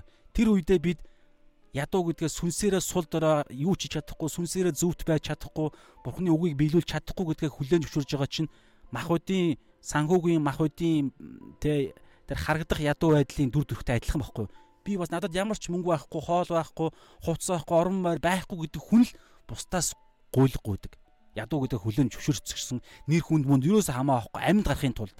Яг үнтэй адилхан сүнслэг ядуу байдал ч гэсэн адилхан. Би үнэхээр дорой юм байна дорой юм байна. Би үнэхээр ямар ч өөрийн хүчээр би авралт хүрэх зөвтгөгдөх гим нүглийн асуудлаа шийдэх ямар чадваргүй бай чадваргүй юм байна гэдгийг хүлээн зөвшөөрсөн хүн л нэгүсэл дээр ирдэг. Эн чинь ер нь яг энэ саяны ярьсан төлөв байдалд юу аваачих зоригтой гэхээр хууль байхгүй юу. Тийм учраас хуучин гэрээний хууль чинь ийм л зоригтой өгөгддөг. Нөгөө хүний гемтэн гэдгийг нь ойлгуулад өвдөх сөхрөөд нэгүсэл надад хэрэгтэй байна гэж аа нэгүслийн өмнө очиулахын тулд л хуучин гэрээний хууль байдаг. Тэгэхээр ядуус авахгүй байгаа чон мэд хүмүүсүүд рүү бид хамаг цагаа барах, хамаг тэр алхаж байгаа алхам тэр чиглүүлэлт зориулалтаа барах биш. Гэхдээ наан бид үнэхээр чоноо мөн үү гэдгийг илрүүлэх илрүүлэх хэрэгтэй гэсэн шүү дээ. Үүний тулд яах вүлээ? Зайлшгүй сайн мэдээ ярина. Өөр түүнээсээ бид өөрсдийнхөө та сайн мэдээ нэгч ярьж үзээгүй мөртлөө зан аашаар нь надтай муугаа харьцаж ийсэн, намайг зодож ийсэн, модож ийсэн орнд болж та хин нэг чон гэж чон гэж дүгнжээ бол маш буруу буруу бөгөөд Библийн бос дүгнэлт шүү. Энэ нэг л тохиолдолд энийг дүгнэнэ гэж байгаа. Сайн мэдээ буюу сайн мэдээг ярих үед одоо бид өмнө үзсэн шүү дээ. Айлд ороод шууд мэндийг нь асууж байгаа. Тэгэд айлд орохдоо мэндийг нь мэд. Айл чин зөкстэй бол амар амгалан чин тэдэнд хүрэг харин зөксгүй бол амар амгалан чин та нар буцаж ирнэ. Тэгээд та нар та нарыг эс хүлээ авахчийг буюу үгийг чинь гэж байгааз. Сайн мэдээ үг Иесусийн хэлсэн үг. Тэгэхээр үгийг чинь үл сонсогчийн гэрээс эсвэл хотоос нь гар нь гарах хэрэгтэй байгааз явах хэрэгтэй орхиод. Тэгээ явахдаа хөлийнхөө тоосыг сэгсэр гэдэг. Энэ болохоор юу гэхээр зайлшгүй бид сайн мэдээ ярьсан л байх хэрэгтэй. Тэр нь эргээд баримт болно. Шүүлтийн өдөрч баримт болно. Түүний сүнсэнд бас эргээд зүрхэн зөөлрөх үгүй юу, ариун сүнстэй бурхан үргэлжлүүлээ түүнтэй тэр сонссон зүйлээр нь ажиллах үгүй юу гэдэг чинь яригдана. Тийм учраас бид тэр тоос зайлшгүй бий болсон байх хэрэгтэй. Буюу а бид заашгүй яригдсан сайн мэдээг яг цогцоор нь ярьсан л байх хэвээр. А тэгээд ярих үед авахгүй эсэргүүцэж байгаа дургуутж байгаа нээлттэй биш хандж байгаа тэдгэр хүмүүс бол чон гэдгээ тэр төлөв байдалд орчиж байгаа байхгүй. Тийм учраас тэдгэр хүмүүсүүдийг орхиол явах хэрэгтэй. Бид авралын орхилтыг яриаггүй шүү дээ. Би энэ ганцхан амьдралтай, ганцхан мах бодтой энэ их тайван гэдэг энэ хүн л өөрөө надад олдсон хэдхэн жилийн амьдралдаа бид үр дүнтэй олон хүнийг л аа сайн мэдээ сонсохын тулд ийм л зарчим хэрэглээрэ гэж эзэн хэлж байна. Бас энэ дээр хараа Мата 7-гийн 6 дээр маш чухал санаа байгаа. Бид нар өмнө үздсэн хэсэг шүү дээ. Юу гэж байгаа вэ гэхээр аа ариун имийг бузаглах гэдэг энэ ишлэл дээр ариун имийг ногтод бүүг өөрсдийн сувдыг гахаан өмнө бүү хай тэд түүнийг хөлд ороо гიშгчгээд эргэж та нарыг хэсэглэн дасчихвэ гэж байгаа зү. Энэ хэсгээр бас би видео хийсэн байгаа. Та ингээд доошоо эргээд хараараа. Энд дээр тэр хэсэг дээр дэлгэрэнгүй байгаа. Тэгэхээр тэр судалж явах үед юу олж мэдсэн бэ гэхээр ариун юм буюу сайн мэдээ. Ариун юм гэдэг нь сайн мэдээ. Гахааны хувьд аа сувд гэдэг чинь бас сайн мэдээ. Тэр үнц нь тэнгэрлэг үннүүд байгаа даа байхгүй юу? Үнэн мэдлэгүүд үннүүд. Тэгэхээр тэр үннүүдийг сонсоход нээлттэй хүндэл бид ярих ярих нь хамгийн зөв байгаад байгаа. Хэрвээ тэр үннийг бүр сонсох дурггүй бүр хамаг үннээ ярьсан ч гэсэн ингээд бүр ямар ч үнц хийнэгүй бүр харин ч эргээд биднийг ингээд шүүх гээд хавчаад хавчих гээд байгаа хүмүүсүүдээс хүмүүсүүдийг бид олж илрүүлнэ гэсэн. Үүний тулд яах вэ гэхээр та тэр видеог харах юм бол яг энэ ийм хэсгээр нэрлэгдсэн видеог хараарай. Есүс яг ингэ шантсан байгаа. Паул ингэсэн байгаа. Тэгэхээр тэдгэр хүмүүсүүдийн яг эхэлж анзаардаг нөгөө хүнээ. Энэ хүн яг одоо энэ өнөөдөр яг одоо яг Матай 7-гийн 6 дээр хэлсэнчлэн бол энэ хүн нохоо юу, гахаа юу? А өнөөдрийн хэсэг дээр бол чон гэдэг байгаа шүү дээ. Тэгэхээр чон уу, чон уу эсвэл чон буюу нохоо, нохоо буюу гахаа эдгээр үгсээр илэрхийлж байгаа нэг төлөв байдал нь юу вэ гэхээр сайн мэдээг буюу тэнгэрлэг үннийг Библийн тэнгэрлэг үннийг ярих үед хаалттай байгаа хүмүүсүүд яг ийм тохиолдол байхгүй. Тэр тусмаа гэхдээ ойлгуулах гэж хичээн штэ ингээд. Гэхдээ сүнсээрээ мэдрэн угаасаа. Нөгөө хүн яг ингээд эсэргүүцэж байгаа. Тийм байх юм бол бид мэтгэлцээд байх хэрэггүй гэсэн санаа. Орхих хэрэгтэй. Аль болох гэлс орхиод нөгөө цагаа үнэлээд өөр хүн дээр очие л доо. Дахиад хүн тааруулвал вэ? Эхлээд бид сайн мэдээгээ ярина. Аль болох яг цогцоор нь ярина. Тэгээд ярьсаар бүтэн яриа дуусгаад тэр хүн аа үгүй уушлаараа баяртай ингээд тэгжээвэл за тэг баяртайгаа л явуулах хэрэгтэй.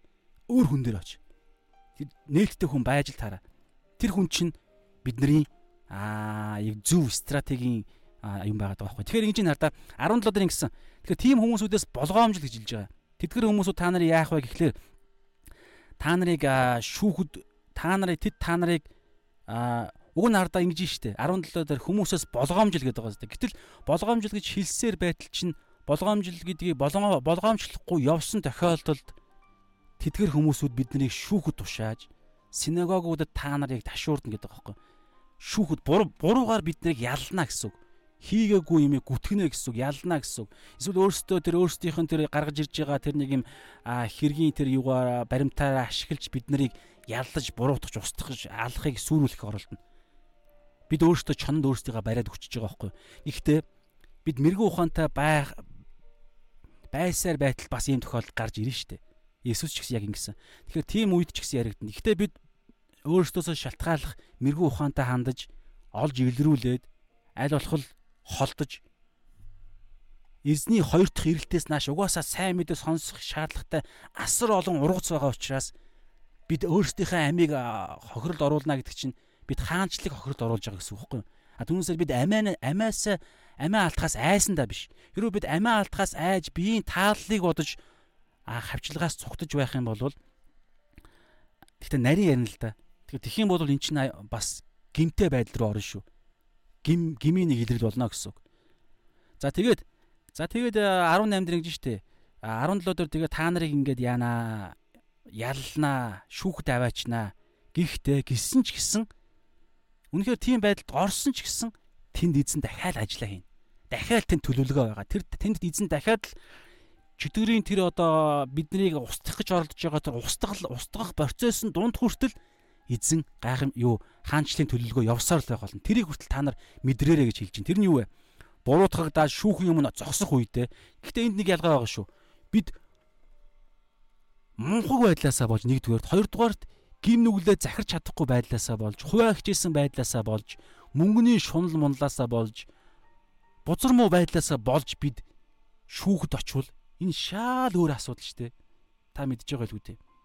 Зөвхөн Есүсийн нэрийг тунхаглаж Есүсийн төлөө явж байх үед л энэ л шалтгаанаас болж шүүгчийн өмнө хаадын өмнө захирагчдын өмнө харийнхны өмнө очих юм бол одоо ярих гэж байгаа дараах зүйлс хэрэгжнэ гэсэн. А түүнээсээр бид мунхаг нөгөө могомит мэрэгүү ухаантай биш байгаа байснаасаа болж аа бид тэр тусмаа гим гим нүгэл өгүүлээд одоо жишээ нь ингээд зөндөө тохиолдол шүү дээ. Би санаж байна. Зарим нэг чуулган за би зүгээр зарим нэг гэл ярьчих.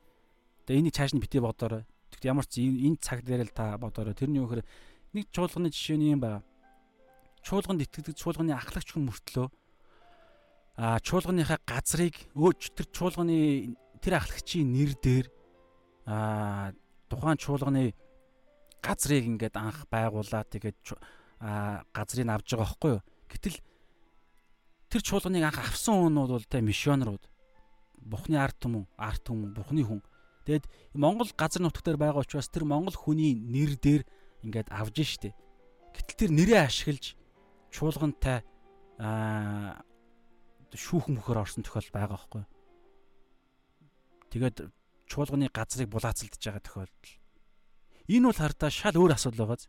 Ийм тохиолдолд тухайн тэр гим дунж байгаа одоо энэ тэр compromise гэдэг байгаа тэр буулт уралт хийж байгаа тэр ахлагчи дотор одоо энэ дараа яригдах гэдэг байгаа чадвар аа бурхны тэр өдөртөмж орж ирэхгүй гэсэн. Тэр бол угаасаа шууд буулт хийгээд ялагдчихж байгаа хүн байгаа зү. Харин Есүсийн нэрийг энэ дэлхий дээр тунхаглаж явах та Есүсийн тэр гайхалтай хаанчлалын төлөвлөгөөгөөр энэ дэлхий дээр ажиллаа хийж явах үед сайн мэдээний хаанчлалын зорилгоор сайн мэдээний зорилгоор шүүх буруутгагдж очисон тохиолдолд үнэн тэр хүний талд байгаа учраас одоо ярих гэж байгаа дараагийн зүйл бий болно гэсэн. Тэр нь юу харъя. Одоо энэ дээр ингэж энэ хараа 18 дээр ингэж штэ. Та нар миний төлөө, миний төлөө гэж байгаа зү. For my name's sake ч гэлөө яг тэр Есүсийн нэрийн нэрийн төлөө л гэсэн санаа байгаа. Есүсийн нэрийн төлөө захирагчд, governor, хаад захирагчд болон хаадууд бас харийнханд аваачигдана. Энэ үед яах вэ гэхээр хэрв Есүсийн нэрийн төлөө байгаа бол эзэн тэрийг хүртэл ашиглана. Тэр шүүлтийг хүртэл ашиглаж яах вэ гэхээр өөрийгөө гэрчилнэ гэж байгаа зү. Сайн мэдээг гэрчилнэ. Өөр төвшний боломж нэгдэж байгааз. Гэхдээ энэ жоохон миний анзаарж байгаагаар бол аюултай байгаа байхгүй. Гэхдээ энэ аюулаас энэ аюулаас зайлсхийх зайлсхийх нь мэрэгүү ухаан байгаа. Яагаад гэхээр энд ингэж те шүүхтэж тэр нэг ганц хааныг тэр нэг ганц захирагчийг тэгээ үзэж байгаа хэдэн гэрч нарыг ч юм уу тэдгэр хүмүүсүүдийн л төлөө Аа тэгээд эн чин нөгөө эсрэг талын хүч чинь тэр баримтаа шүүхтж байгаа өмгөөлөгч нь буруутгаж байгаа яллагчийн тэр өмгөөлөгч нар нь хамгийн юм барьцсан байгаа шүү дээ тэр баримт баримтаа. Тэгэхээр эндээс сайн мэдээ гэрчлэнэ гэдэг бол арай өөр төвшнийх байгаа байхгүй. Тийм учраас эзэн хэлсэн 19-с 20 20 дээр тэр үед та нар юу ярих вүлээ? Яаж ярих вүлээ? Монгол дээр болохоор жоохон миний бодлоор буруу орчуулсан юм санагдсан. Аа ингэж хэлсэн байгаа байхгүй тэд та нарыг баримтлах үед яах билээ гэдэг юм. Юу хийх билээ гэсэн юм шиг орчуулсан байгааз. Гэхдээ үг англи хэл дээр бол үгүй байгаа даа. Юу ярих вэ? Яаж ярих вэ гэсэн юм байгаа байхгүй юу? Тэгэхээр ярих гэж байгаа зүйл дээр л санаа зовж байгаа зовно гэж гэсэн тэр төлөв байдлыг эзэн мэдсэн учраас битгий санаа зовоо. Яг тэр үед чинь яг тэр үед чинь аавын чинь сүнс гэж байгаа. Энэ нэг онцгой аавын сүнс.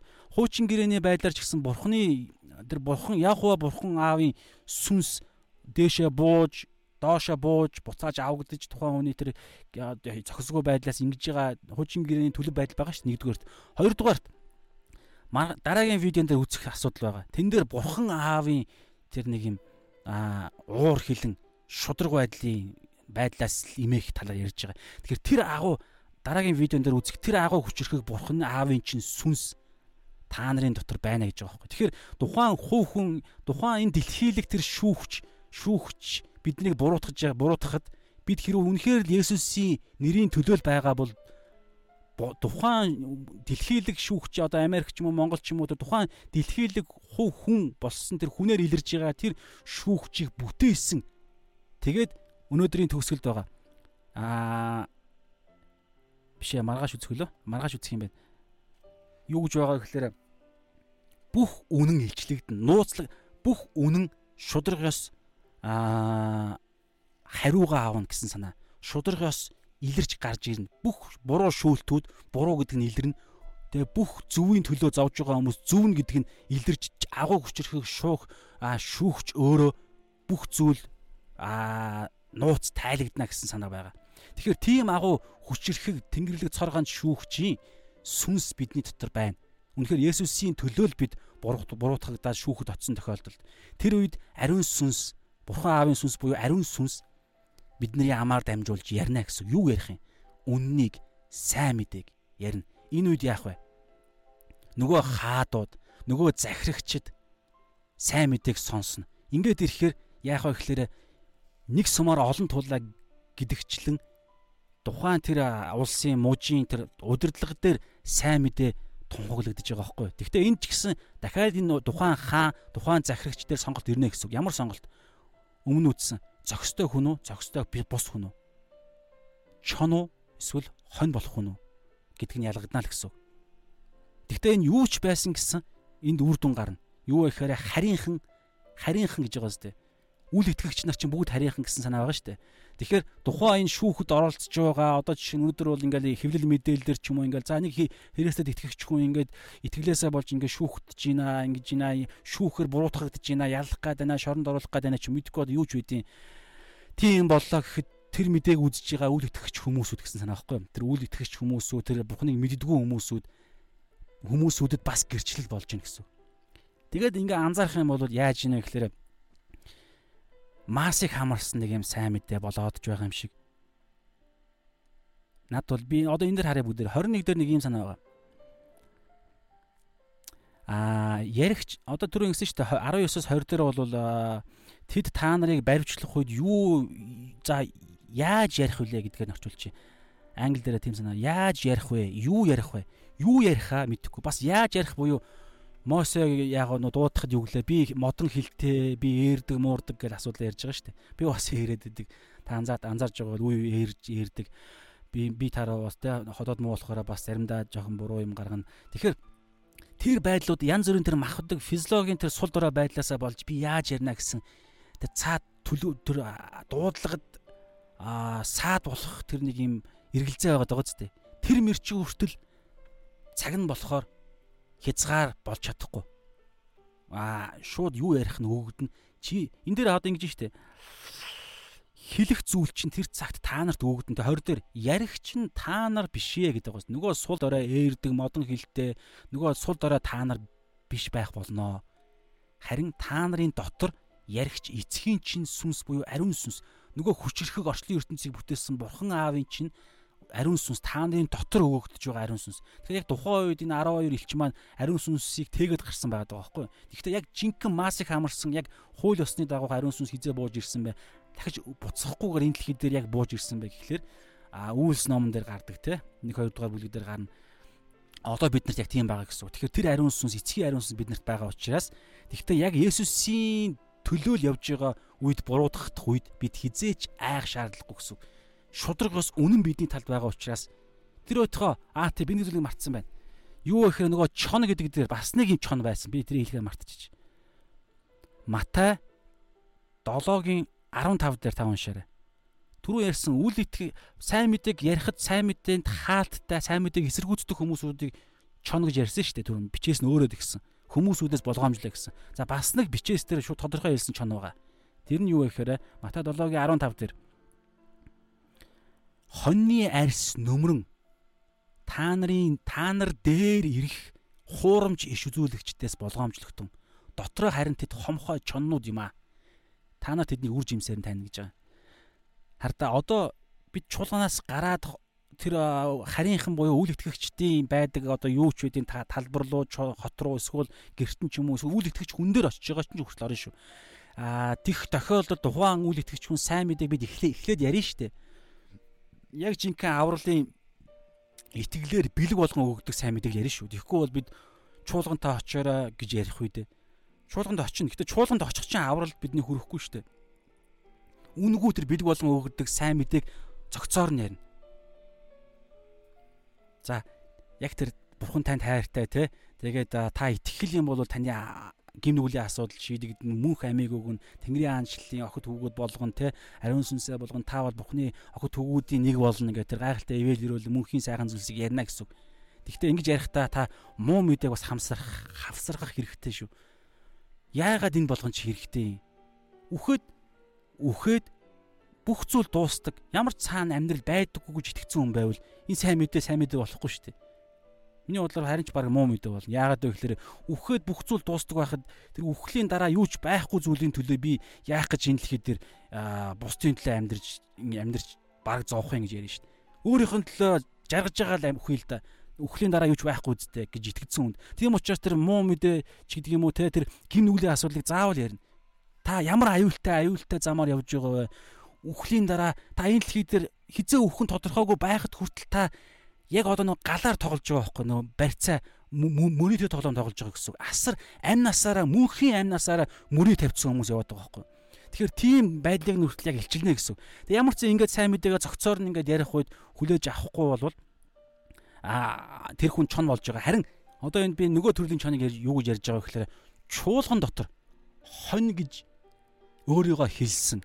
Тэр утгаа хоньыг хончлох хоньыг араасаа дагуулах гэдэг тэр иш үзүүлэгч Бурхны үгийг тунхаглагч нэгэн гэж хэлэгдэж байгаа иш үзүүлэгч дотор хүртэл хоньны арьс нүмерсэн хомхой өлсгөлн чоннууд байна гэж эзэн хэлсэн шүү. Та би бас энэ хэсгээр видео хийсэн байгаа. Та яг энэ гарчгаар Матай 7-гийн 15-аас 20 гэж та хайгаараа бас дэлгэрэнгүй байгаа. Тэгэхээр тийм чоннууд хүртэл байгаа.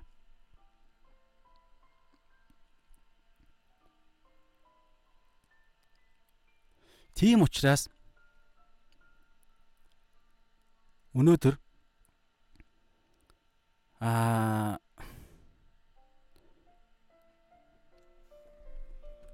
тухайн аа сайн мэдээний одоо тэр энэ дэлхийн дагалдагчдын зорилго байгаа шүү дээ сайн мэдээний төлөө байх. Тэгэхээр сайн мэдээний төлөө сайн мэдээний зорилго юу юм? Есүс Христ рүү бүх зүйлийг чиглүүлэх шүү дээ. Есүс Христ чинь загалмай, Есүс Христ чи өөрөө сайн мэдээ. Ганц зүгээр хэлвэл зөгцөөрөө бинэж байгаа түүний амлалт бүр Библи тэр чигээрээ Есүс Христ шүү. Би ингээд дэлгэрүүлж судалж байгаа маш гоё юм билээ. Есүс Христийн амлалт тэгээ бүтээлийн үед хүртэл Есүс Христ байгаа. Бүтээлээс өмнө хүртэл Есүс Христийг амлсан төлөвлөсөн байгаа даа байхгүй. Тэгэхээр Библи юусаа хүн төрөлхтний түүх тэр чигээрээ загалмай дээр л бүх зүйл зангидэгдэж байгаа. Тэгэхээр Есүс Христ буюу тэр сайн мэдээний төлөө Есүс Христийг чухалчсан, Есүс Христийг алдаршуулсан, Есүс Христийг л дагсан бүх бичээс Есүс Христээр л одоо тайлагддаг. Есүс Христ гэсэн тэр сайн авралын сайн мэдээгээр Библийн 66 ном бүгд а тэнд заашгүй ингэж тэнд огтлцдог тийм бичээстэй үг үнэнээр бид явж байгаа цагт бидний одоо юу гэдэг юм бэ? Одоо энэ дэр Матай 7-гийн 6 дээр биш ээ. Матай 7-гийн аа 15 дээр байгаачлан тэр хуурамч иш үзүүлэгч нар хүртэл яг энэ сайн мэдээ Есүс Христээс холдуулах гэж оролддог хүмүүс байдаг гэдгийг хэлж байгаа байхгүй. Тэгэхээр сайн мэдээ чи өөрөө ерөөсө хамгийн гол альва бүх зүйлийг илрүүлэгч. Чуулган дотор хүртэл чуулган дотор хүртэл яг жинхэнэ үнэн сайн мэдээнээс гажиж номлож байгаа хүн байх юм бол энэ сайн мэдээ чи өөрөө илчлэнэ. Аа мэдлэггүйгээсээ болоод балчир байдлаасаа болоод одоо пастор хүнийг гэж хэлэх нь хаашаа энэ. Тэгвэл яг тийм зайшгүй тийм зүйл би болох магадaltaй шүү дээ. Би бас байгаа гэж би бодож байна.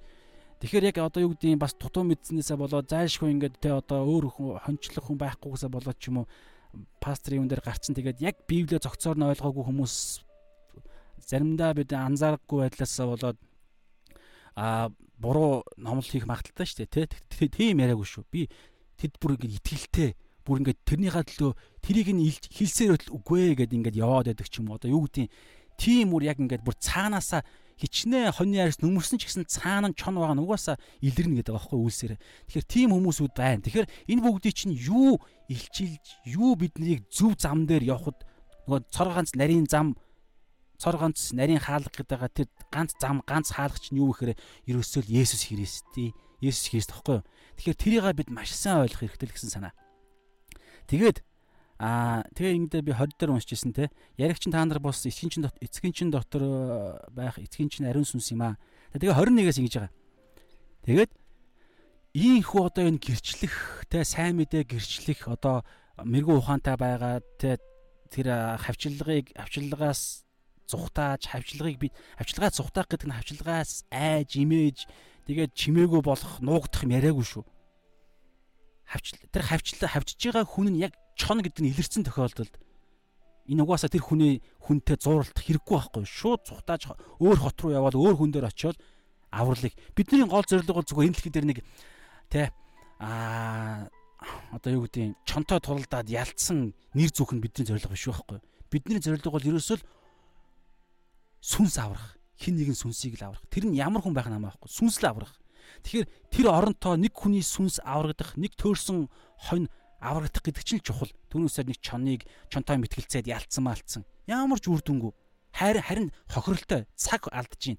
Тэр хүнтэй мэтгэлцчихсэнд орвол нэг хүнд сайн мэдээ тараадсан бол тэр хүн хамаагүй илүү. Тийм учраас тэр аа аа тэ мэрэгүү ухаанаараа бид аа тэ шаардлагагүй зүйлээс зайлс хийгээд шаардлагатай хүн дээр очиод сайн мэдээ тараагаа явж яхад ч гэсэн бид нарыг буруутгаад ингээд шүүх мөхөөр ороод ингээд бөө мэтгэлцээ янз бүрийн ингээд юу гэдгийг цухтаахын аргагүй бид нарыг бариад ингэсэн үед ч гэсэн бид сайн мэдээгээ тунхлах тэр үед яах вэ гэхээр ариун сүнс биднэрт ярина гэж дээ. Тэгээ энэ мэдчлээ ингээд сайн мэдээ тарааж их үед яах вэ гэхээр үр дүнгууд гарна. Тэр нь юу вэ?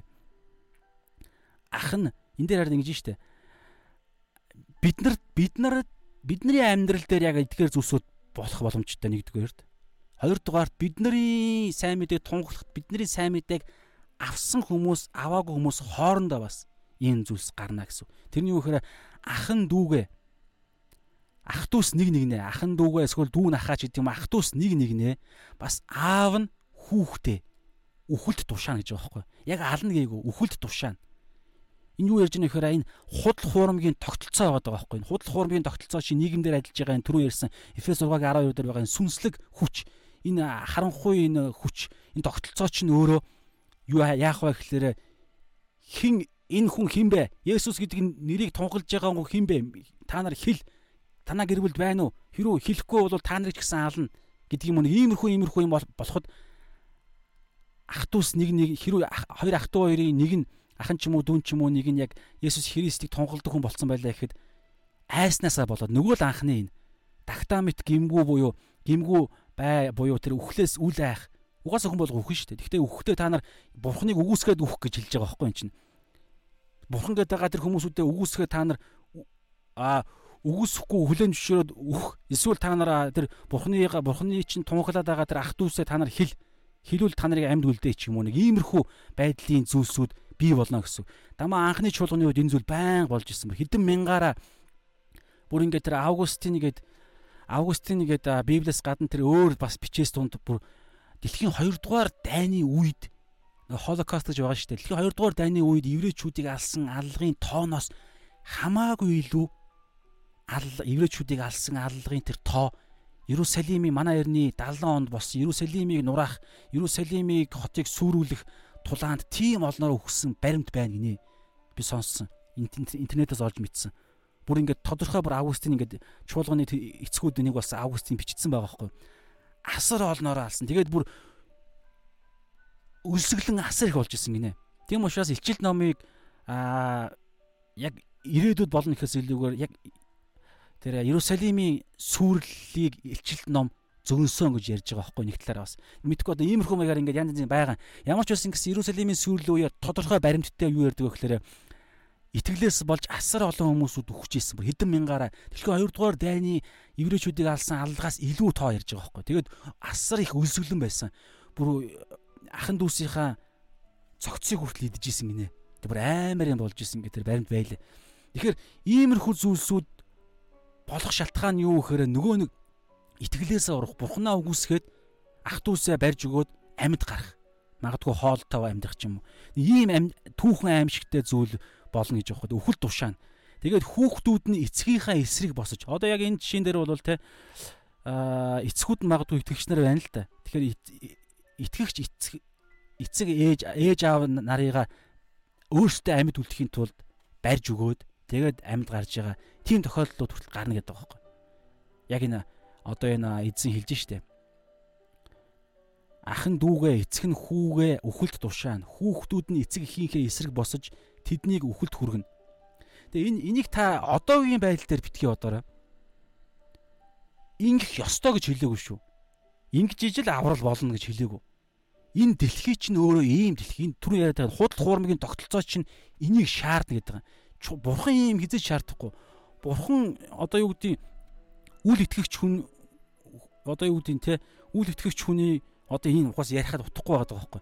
Хизээч нэг нэгнийг хаалгаж хэлдэггүй. 10 гуйл дээр хүртэл хүн алах нь аюултай. Есүс юу гэж хэллээ? Үзэн яд хин нэгний та нар үзэн ядхал юм бол зүрхэндээ түүнийг аль хэдийн алдсан учраас та нар тамд орох буруутахт нь яллагдана гэж байгаа шүү дээ. Тэгэхээр хүн алахыг хизээч эзэн яадаггүй. Харин та нар амиа өгөөрэй гэж хэлдэг. Ах дүүсийн төлөө амиа өгөхөөс илүү хайр итгэлж хаана байна гэж ирдэг. Тэгэхээр энэ тогтолцоо өөрөө энийг шаардаад байгаа байхгүй. Бузар муугийн сатаны тогтолцоо. Ах нь дүүгээ, эцэг нь хүүгээ өхөлд тушаа. Үгүй бол чи өөрөө өөх гэсэн юм ярина гэдэг. Ийм нөхцөл байдалд хүртэл яа. Тэгээ ийм нөхцөл байдал бий болоход эн чинь нөгөө нэг энэ уг нь мэрэгэн ухаантай байгаад ийм нөхцөл байдлаас бид ийм нөхцөл байдлыг гаргахгүй байх хэрэгтэй. Тэрэн жишээ нь юу хүртэл орно ингээ бид сайн мэдээ тунхал ихэд тунхлахгүй байгаа нь хүртэл энэ орох магадaltaй шүү дээ. Израильчууд ерөнхийдөө яг тэгж л яасан шүү дээ. Иерусалимдээ бөгнөөд байсан учраас яг бид дараа нь тэгж дүгндэг те. Иерусалимда бөгнөрөөлсөн учраас тэднийг ингэж Иерусалимд нь тэнд янз бүрийн бий болгож, хавчлага бий болгож тэднийг тараасан гэж ярьдаг. Харь үндснүүд тэд дургу учраас тэд те одоо юу гэдэг хавчлагаар тэгэж механикаар тэднийг тарааж байгаа байхгүй. Тэгэхээр мэрэгэн ухаантай байсан бол магадгүй ингэхгүй байхсан юм шиг те. Тэгэхээр бид одоо мэрэгэн ухаантай байх буюу эзнийхээ тэгээ энэ дээр ингэж байгаа. Үг түрүү хэлсэн шүү дээ. Мэрэгэн ухаантай байх гэдэг нь а Филиппо 2-ын 14-өөс 16 дээр амийн үгнээс зуурах гэдэг байгаа шүү дээ. Амийн үгийг та нар амийн үг юу хэлж гин. Тэгээд алхам бүрээ хянана. Цагийг үнэлнэ.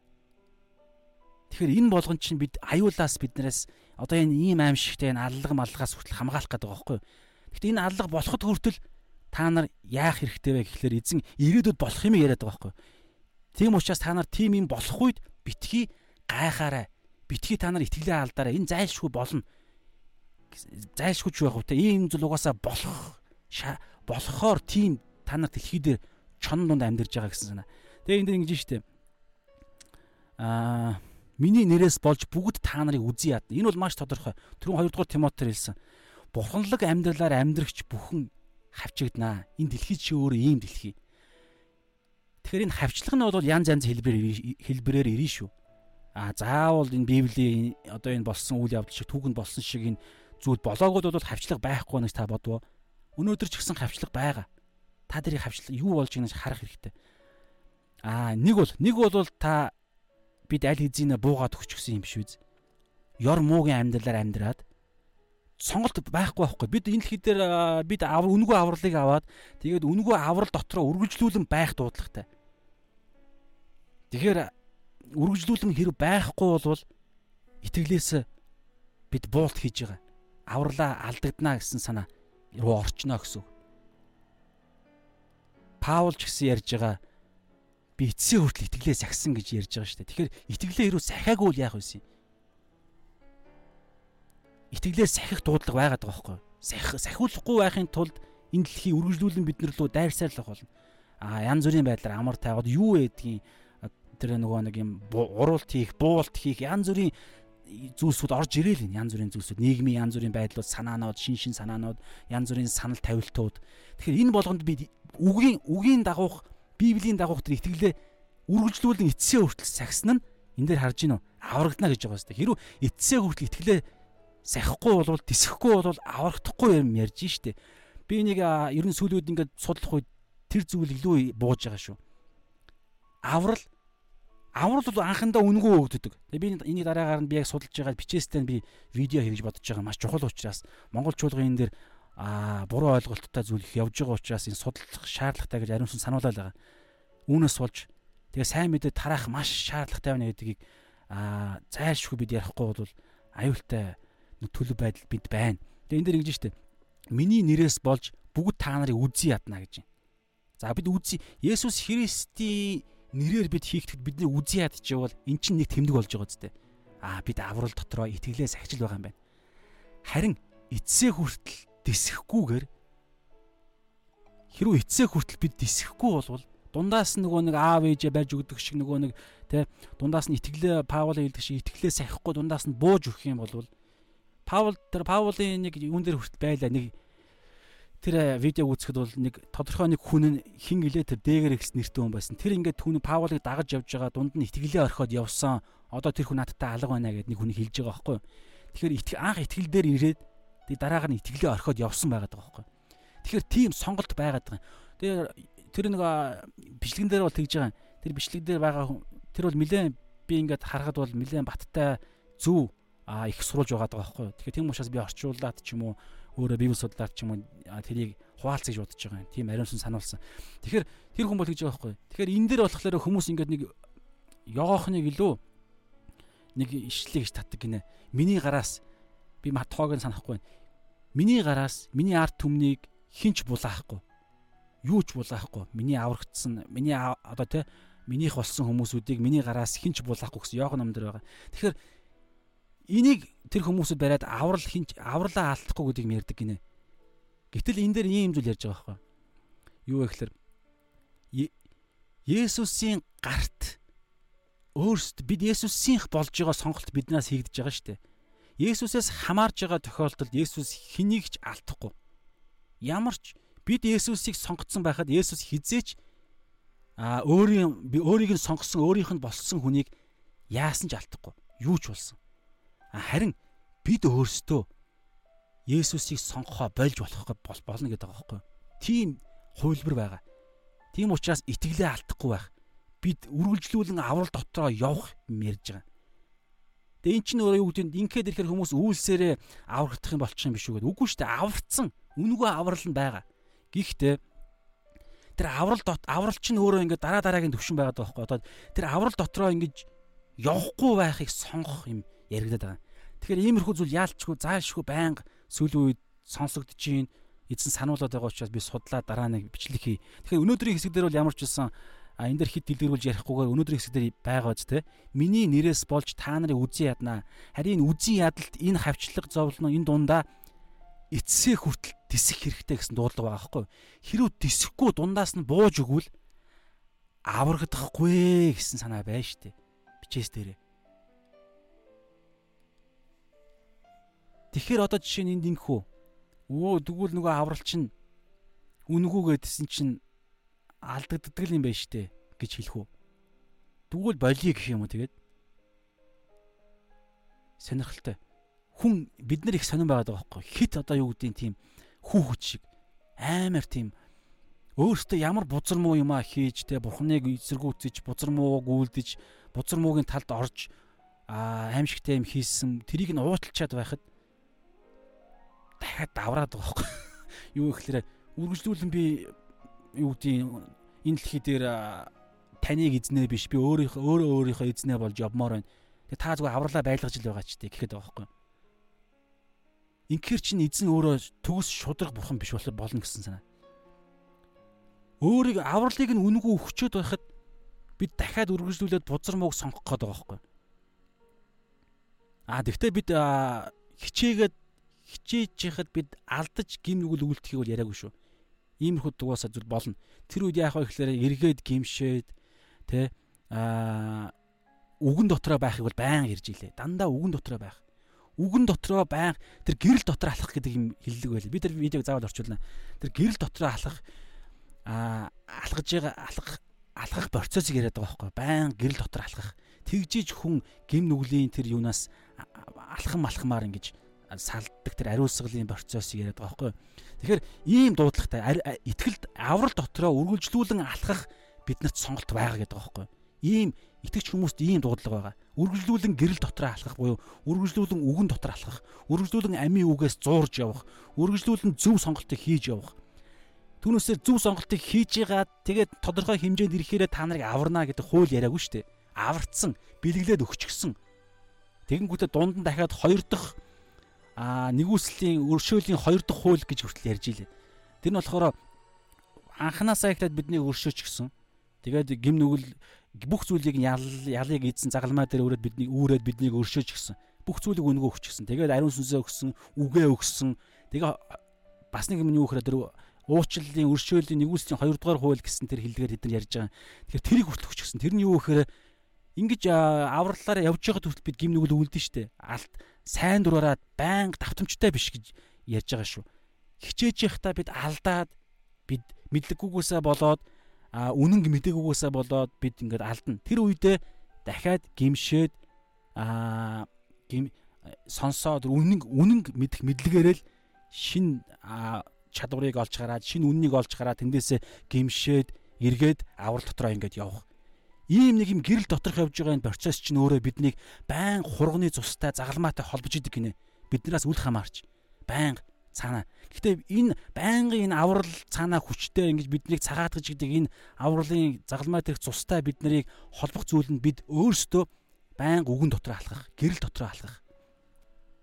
Тэгэхээр энэ зүйлийг хийхгүй бол яах вэ гэхлээр бид өөрсдөө биднийг аварсан Есүсийг аварч аврагдчаад гэдэг юм уу? Христчин болчоод дараагаар нь үгүй гэд өөр зүйлийг сонгоод итгэл биш бурхны үгээр үгэн дотор алхах итгэл дотор алхах гэрлийг биш эргээд харанхуух сонгож боломжтой байгаад байгаа байхгүй да магадлаар ярихад. Сонгосон ч хүмүүс байгаад байгаа юм. Тэр Паулын тэр хүн дээр бол тэр хүн ингээд намайг дагаж яваад итгэлээ хаяад явсан гэсэн санаагаа байгаа өнөөдөр дэлхий дээр ч гэсэн тийм хүмүүсүүд байна. Пастор байж байгаад бүр ингээд этеист буюу пастор бурхангүй үзэлтэн болцсон хүмүүс ч байна. Тэр хөө анханасаа аврагдаагүй гэдэг юм ярих байх л да. Бид нар сайн мэдэхгүй байгаа байхгүй. Яг анханасаа аврагдаагүй байгаад игдсэн гэхээр дунд нь хийгдэжсэн тэр номлолоо тэр хийсэн зүйлсүүд юу болох юм бэ? Тэгэхээр анханасаа аврагдсан байгаад гэхдээ дундаасаа өөрөө аврал биш. Авралыг орхиод итгэлийг биш, гэрлийг биш, христийг биш, хуваа хичээх байлаг ч юм уу, өөр зүйлийг бурхангүй үзлийг сонгосон тийм сонголт аюултай юм байх магадaltaй юм яриад байгаа байхгүй. Тэгэхээр би цааш нь судлаа. Тэгэхээр ямар ч үс ингээ өнөөдрийн хэсэг бол ингээ өндөрлж байгаа. Юу гэхээр ингээ саяных ингээ ярихад аа бид нэг зүйлийг энэ яагаад энэ зүйлийг ярьсан гэдгээ маш сайн ойлгоорой. Яагаад Есүс ийм аимшигтай үнэн энэ муухай үнэн байгаа зү. Энэ дэлхий дээр бид хавчлаг зайлшгүй, хавчлаг зовлон айсуу ирж байна гэдэг чинь итгэж хүмүүсүүдэд. Тэгэхээр энэ юу ойлгох хэрэгтэй вэ гэхээр муу мэдээ гэж би түр ярьсан те муу мэдээ энэ дэлхий дээр угаасаа бид байгаа. Хүн болгон үхдэг. Үхлийн дараа аимшигтай нэг муу мэдээ байгаа байхгүй юу? Тэр нь юу гэхээр үхээд хоёр дахь шүүлт болтол хүн тэр Hades гэдэг англи үг байгаа. Hades буюу аа там гэдэг санаа. Там гэдэг үг. Гэхдээ англи дээр hell гэж hell гэж байгаа. Hades гэж байгаа байхгүй юу? Тэгэхээр за одоо юу гэмэр чимдээ Ямар ч байсан хүн үхээд Иесус Христийн хоёр дахь шүүлт хүртэл хүн өнөөдөр үхлээ шууд хаашаа очно гэж хэрэг итгэж хүн байх юм бол ихлээр наан энэ дэлхий дээр амьдарч байгаа хугацаанд хүн хизээ өхөн тодорхойгүй шүү дээ. Тийм учраас тодорхойгүй байгаа учраас боломжтой байгаа дээрээ хайж болох боломжтой байгаа дээрээ та нар Бурхны хай гэдэг байгаа тэр байхгүй Библи хэлдэг чинь. Тийм учраас та нар боломжтой байгаа дээрээ сайн мэдээ тунхал гэж бидэнд хэлдэг хайртай хүмүүстэй. Тэгэхээр бид энэ дэлхий дээр амьдарч байхдаа тэр хүн ингээд бурхныг сонгоод христийг сонгоод амьдрал гин нүлийнхээ асуудлаа шийдсэн хүн бол өнөөдөр яг одоо өглөө гэхэд тэр дороо хоёр газар очдөг гэдэг. Нэг нь болохоор Авраамийн өвөр гэдэг байгаа тэр Деважин гэдэг хиллэг. Тэнгэрийн уус яриаггүй шүү. Тэнгэрийн уус гэж тустай байгаа, Деважин гэж тустай байгаа. Галтнуур гэж тустай байгаа, Там гэж тустай байгаа байхгүй юу? Библийн санаагаар бол. Тийм учраас хоёр дахь шүүлтээс наан нь итгэгч хонин хонин нь болохоор хонь ямаагаар ялгаж байгаа шүү дээ. Тэгэхээр итгэгч хүмүүсүүд нь яадаг вэ гэхээр Тэнгэрийн аа Деважинд очдог. Тэнгэрийн улс биш. Деважинд. Тэр нь болохоор тэр Хейдис гэдгийн тэр хүүхсдийн орон гэдэг тэр нэг газрын нэг хэсэг нь байгаа байхгүй юу? Зовлонгоо. Аа хүүхсдийн оронгийн нөгөө хэсэг нь болохоор там гэдэг газар. Тэр нь болохоор өнөөдөр хүн өөхөд шууд тамд очино. Тэнд яадаг вэ гэхээр зовно. Галтай бас. Тийм учраас нөгөө нэг луг дээр байгаа а баян хүн болон лазерын түүхэн дээр гардаг дунд нь ангал байгаа гэж ярьдаг. Тэгэхээр тийм аимшигтэй үнэн байгаа учраас тэгээд хизээ эзэн хоёр дахь удаага ярьж шүүлтийг бий болгоод тодорхойгүй. Тэгээ шүүлтийг бий болохгүй тэр шүүлтэн дээр гэхдээ тэнд ямар ч найдвар байхгүй шүү дээ. Тамд үхээд шууд энэ дэлхий дээр л хүн Есүс Христэд итгээгүй бол шууд мөнхийн тамд орох нь тодорхой болчихно гэсэн. Тэгээд сайн мэдээ хүлээж авахгүй байж байгаа чон байхыг сонгож байгаад үхчихэл юм бол Тэгээд одоо хоёр дахь шүүлтийн зорилго гэж мэдээж байгаа. Тэрийг дараа нь ярьж болно.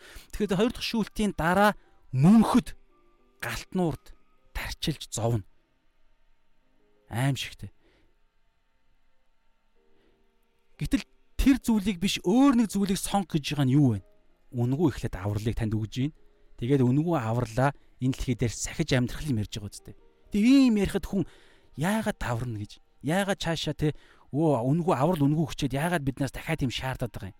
Эн чинь өөрөө чонын сэтгэлгээ байхгүй юу? Эн чинь өөрөө аа тэр балчир хүүхдийн сэтгэлгээ нэгдүгээр хоёрдугаар тэр харийн хүний сэтгэлгээ байхгүй юу? Яг үннийг мэддэг хүн бол саяны үннийг ойлгож байгаа хүн бол үнэхээр өрөөгдөн. Тийм учраас эхлээд заашгүй Израильчууд юдэчүүдэд энэ сайн мэдээ эхэлж заашгүй тараагдах тараагдах нь зүв байсан. Яагаад гэвэл хуучин гэрээ юдэчүүд дүүгдсэн. Хуучин гэрээгүй харийн хүмүүсүүдэд энийг яригдахаар одоо монголчууд бид нар ярих гээд байгаа шиг ингэж томрох гээд даврах гээд байгаа байхгүй юу? Бид нар хуулийн тэр хуучин гэрээний тэр хуулийн хуулиар 2000 жил амьдраагүй шүү дээ. Тэр дахлын тогтолцоо тэр бүх зүйл бид нар хамаг хичээл зүтгэлээр зүвт байх гэж бүр ингэж төрөхөөс өгөх хүртлээр зүвт байх гэж бүр хідэн үеэр явсан тийм түүх бидэнд байхгүй учраас үнгүү аврал өгөхөөр би давраад байгаа байхгүй. Үнгүү аврал өгчөөд аврах үнгүү өгсөн авралаа аврал дотроо алхах нь буюу тэр үгэн дотроо амьдарч бусад хүмүүсүүдэд энэ авралыг тунхаглаж тэгээд бузар муугаасаа эргэн амьдрах, бузар муугаа үүлдэхгүй байж амьдрах энэ нэг зүйлийг ярихаар давраад үнгүү авралаа авчаа дээр нэмээд бузар муугаа үйлдэж амьдрахыг хүсэж байгаа байхгүй. Энэ чинь хоёр эзэн зэрэг үйлчлэх боломжгүй гэдэг чинь энэ ямарч боломж байхгүй. Тийм учраас Библи судлаж энэ үннүүдийг ойлгохгүй бол бид нар нөгөө нэг энэ гэрэл дотор алхаж чадахгүй. Тэгээд гэрэл дотор буюу үгэн дотор байж байж байгаа хүнд чинь үнэн ойлгогдоод үнэн эргээд биднийг чөлөөлдөг. Юунаас чөлөөлөх юм гэхээр бидний энэ сэтгэлгээ, оюун бодлын энэ бодож байгаа энэ сэтгэлгээнээс биднийг чөлөөлнө. Одоо энэ саяны бодож байгаа энэ даварцсан энэ бүр ингээд үнгүү аварчаа дээр нэмээд энэ дэлхий дээр бузар муугаа үйлдэж залхуурч те амьдруулах гэдэг нь штэ. Үгүй ээ. Гэхдээ энд ийм байгаа. Гим нүгэл бид хичээгээд байгаа мөртлөө үйлдэд нь штэ. Тэгээд гимшиж байгаа. Гим дургу юм а үйлдэд байна. Энэ бол энэ бол зөв мэдрэмж. Аврагдсан үний мэдрэмж. Гэхдээ эн чинь ингээд зогсож болохгүй байхгүй. Дараа нь цааш нь үргэлжлэх хэрэгтэй. Тэрний юу гэхээр бид үнэн хайх хэрэгтэй. Судлах хэрэгтэй. Тэ тэр Библи сүнслэг ертөнцид хийгдсэн үннүүдийг бид олж мэдчихэж ил энэ мэдсэн зүйл чинь бид нарыг итгэлд хүргэдэг. Нөгөө үнэн та нарыг чөлөөлнө гэдэг байгаа чинь тэр үнэн мэдлэг бид нарыг чөлөөлөх итгэлд хүргэдэг хүргэдэг. Тэгэхээр үнэнг олон хартсан бол өө энэ нөгөө нэг намайг зоогоодсэн гим чинь ёо ийм л юм байсан юм байна штэ гэд харах харуулад их чөлөөнд гаргахын тулд нэг үнэн хэрэгтэй байгаа байхгүй юу? Яг тухайн талбар дээр чинь таны хүлээд байгаа тэр чөтгөр тэр чөтгөр одоо ямар чөтгөр байдیں۔ Тэр тухайн талбар тухайн гин нүглээр таны хүлж байгаа тэр чөтгөр чинь бид олж хараад нөгөө тал чөтгөрийг тэр дагуулга тэр сүнслэг хүчийг олж харахын тулд бид мэдэх хэрэгтэй байгаа. Тийм учраас л Библи судлал, үг судлал чинь бидний амин чухал зүйл байгаад байна. Тэгээд мэрэгэн ухаантай бай гэж байгаа зүйл чинь бас энэ мэрэгэн ухаантай шаардлагагүй аюулыг бид бий болгохгүй тулд үг судлах хэрэгтэй байгаа байхгүй үннүүдээ мэдсэн байх хэрэгтэй. Тэгэхээр юмыг үннүүдийг олж мэдэх тусам бид мэрэгэн ухааны нэг доо орцсон бүрдэн штэ. Тэгээ тэрийг хэрэгжүүлнэ, итгэн. Тэгээ ийм зүйл ерөөхдөө яригдж гин. Тэгээд аа тэгээд түр хэлжсэн зүйл нь юу гэхээр Есүс Христ энийг урдчилж ярьсан маш чухал. Урдчилж. Тэгэхээр өнөөдөр та энэ үгийг сонсоод аа таны амьдралд таны хүсэхгүй, таны дургу, танд тааламжгүй мэдрэмж төрүүлдэг ямар нэгэн нөхцөл байдал болох үед зөв хичээж явж явахд хүртэл учир шалтгаангүйгээр болох үед та битгий зочирдоорой. Тэгээд түр энэ дээр юу гэлээ? Филиппо 2-ын 14-өөс 16 дээр гимгүү байх гэж байгаа шүү дээ. Гим үлдэхгүй тулд битгий гомдлоорой. Тэгээд тэр нэг учир шалтгаангүйгээр бий болж байгаа нөхцөл байдлыг бий болгож байгаа нөгөө харийн хүмүүс буюу үйл итгэгч хүмүүс тэр утга итгэгч хүмүүс хүртэл дотроо бие бинийгаа зоож байгаа хүмүүс байгаа ш. Тэгэхээр тэдгэр хүмүүсүүдэд хүмүүсүүдтэй битгий маргалдаарэ гэж байгаа. Битгий гомдол, битгий маргалд. Тэгээ мэрэгэн ухаантай буюу алхан бүрээ хян цагийг үнэл. Тэгээд амийн үгээс зуур буюу үг судал. Яах гэж үг судлаад байгаа юм бэ? Би номлогч болохгүй шүү дээ. Үгүй номлогч болохгүй. Гэхдээ та амьд явах хэрэгтэй байна. Бид эрх чөлөөнд гарах хэрэгтэй байна. Тэгээд бас нэг юм нь номлогч мөн байхгүй юу? Би урд нь үтсэн штэ. Итгэгч хүн болгон номлогч нар. Прич гэдэг үг чинь хүн болгон прич гэдэг энэ номлох прич гэдэг энэ англи үг чинь бичээс дээр ихэнх тохиолдолд дандаа хаанчлалын сайн мэдээг тунхаглаж байгаа үг байхгүй юу? Хаанчлалын сайн мэдээг амнаас гаргаж байгаа үйлдэл болгон чинь англи хэлэн дээр прич буюу номлох гэдэг үгтэй дандаа хамт явагддаг гэж бид нар үтсэн штэ. Тэгэхээр хүн болгон номлох дуудлагатай. Харин заах гэдэг энэ зүйл чинь нөгөө нэг яг хончин буюу пастор ахлагч нарын дуудлага гэдэг байгаа шүү дээ. Заавал тийм чадвар байх хэрэгтэй гэж бид нар ярьсан. Тэгэхээр тэд нар пастор ахлагч нар тийм чадвартай байж болно. Гэхдээ бид нар пастор ахлагч нар биш мөртлөө биднэрт заалгах хэрэгцээ нь бол байгаа шүү дээ. Тийм учраас бид нар заадаг хүн байна. Заавал байх ёстой гэдэг чинь тэр. Тэгэхээр бид нар заалгах хэрэгцээ нь байгаа юм бол тэр заалгах хэрэгцээг хангах хүн байгаасаа гэдэг ургацын эзнээс бид ургац хураах ажилчдыг гуух хэрэгтэй. Өөрийнхөө төлөө. А тэгээ байхгүй бол яах вэ? Тэгвэл өөрийнхөө төлөө бид тухайн тэр хаанчлалын зарчмуудыг бид судлах хэрэгтэй шүү дээ. Англи хэлтэй бол та интернет ухах юун дээр хамтарч бие биентэйгээ библи судалцгаая гэдэг. Тэгээ энэ энэ мэдчлэн үг бол дандаа бүх юм үгэн дээр очдог шүү. За тэгээд өнөөдрийн цаг маань ерөнхийдөө юм. Тэгээд эзэн өөртчилж хэлж байгаа гэдэг маш сайн санаарай. Өөртчилж. Тэгэхээр танд өнөөдөр өөртчлэн эзэн хэлэгдэж байна гэсэн. Эзэн танд хэлж байна гэсэн. Тэгэхээр ирээдүйд юу ч ямар нэг юм ирэхэд бид зочирдохгүй, сандрахгүй, итгэлээ алдахгүй, айхгүй байхын тулд энийг эзэн хэлж байгаа. Гэхдээ энэ бүгдээс бид энэ бүгдийг бид шаардлагагүй бол энийг бий болгохгүй байх хэрэгтэй гэсэн шүү дээ. Мэрэгэн ухаантай байж цагийг үнэлээд цагийг үнэлэх гэдгийг та судлаарай. Түрүүн ярьсан те. Шаардлагагүй үйлчлэл, шаардлагагүй газар. Зарим газар ингээд чуулган тэнд ямар ч үр өгөөжгүй байвал чуулганаа хаагаад үр өгөөжтэй газар чуулганаа байгуулъя л да. Эн чинь мэрэгэн ухаан шаардлагагүй цагийг үн тэр хит ими тэнд газар хамаг аа хүс хүч үр үр шим үр шимгүү газар байгаа залбираа залбираад үйлчлээ үйлчлээд үйлчлээд болохгүй байвал чуулганаа хаагаад өөр газар үр шимтэй газар чуулганаа байгуулъя даа гэдэг юм уу те ийм мэрэгэн ухааны төлөөлсөн мөр явцгаа гэсэн санаа. За тэгээ бүгдээр хамтдаа залбираад өндөрлөе. За ганц нэг вид биш юу комент байна харъя те.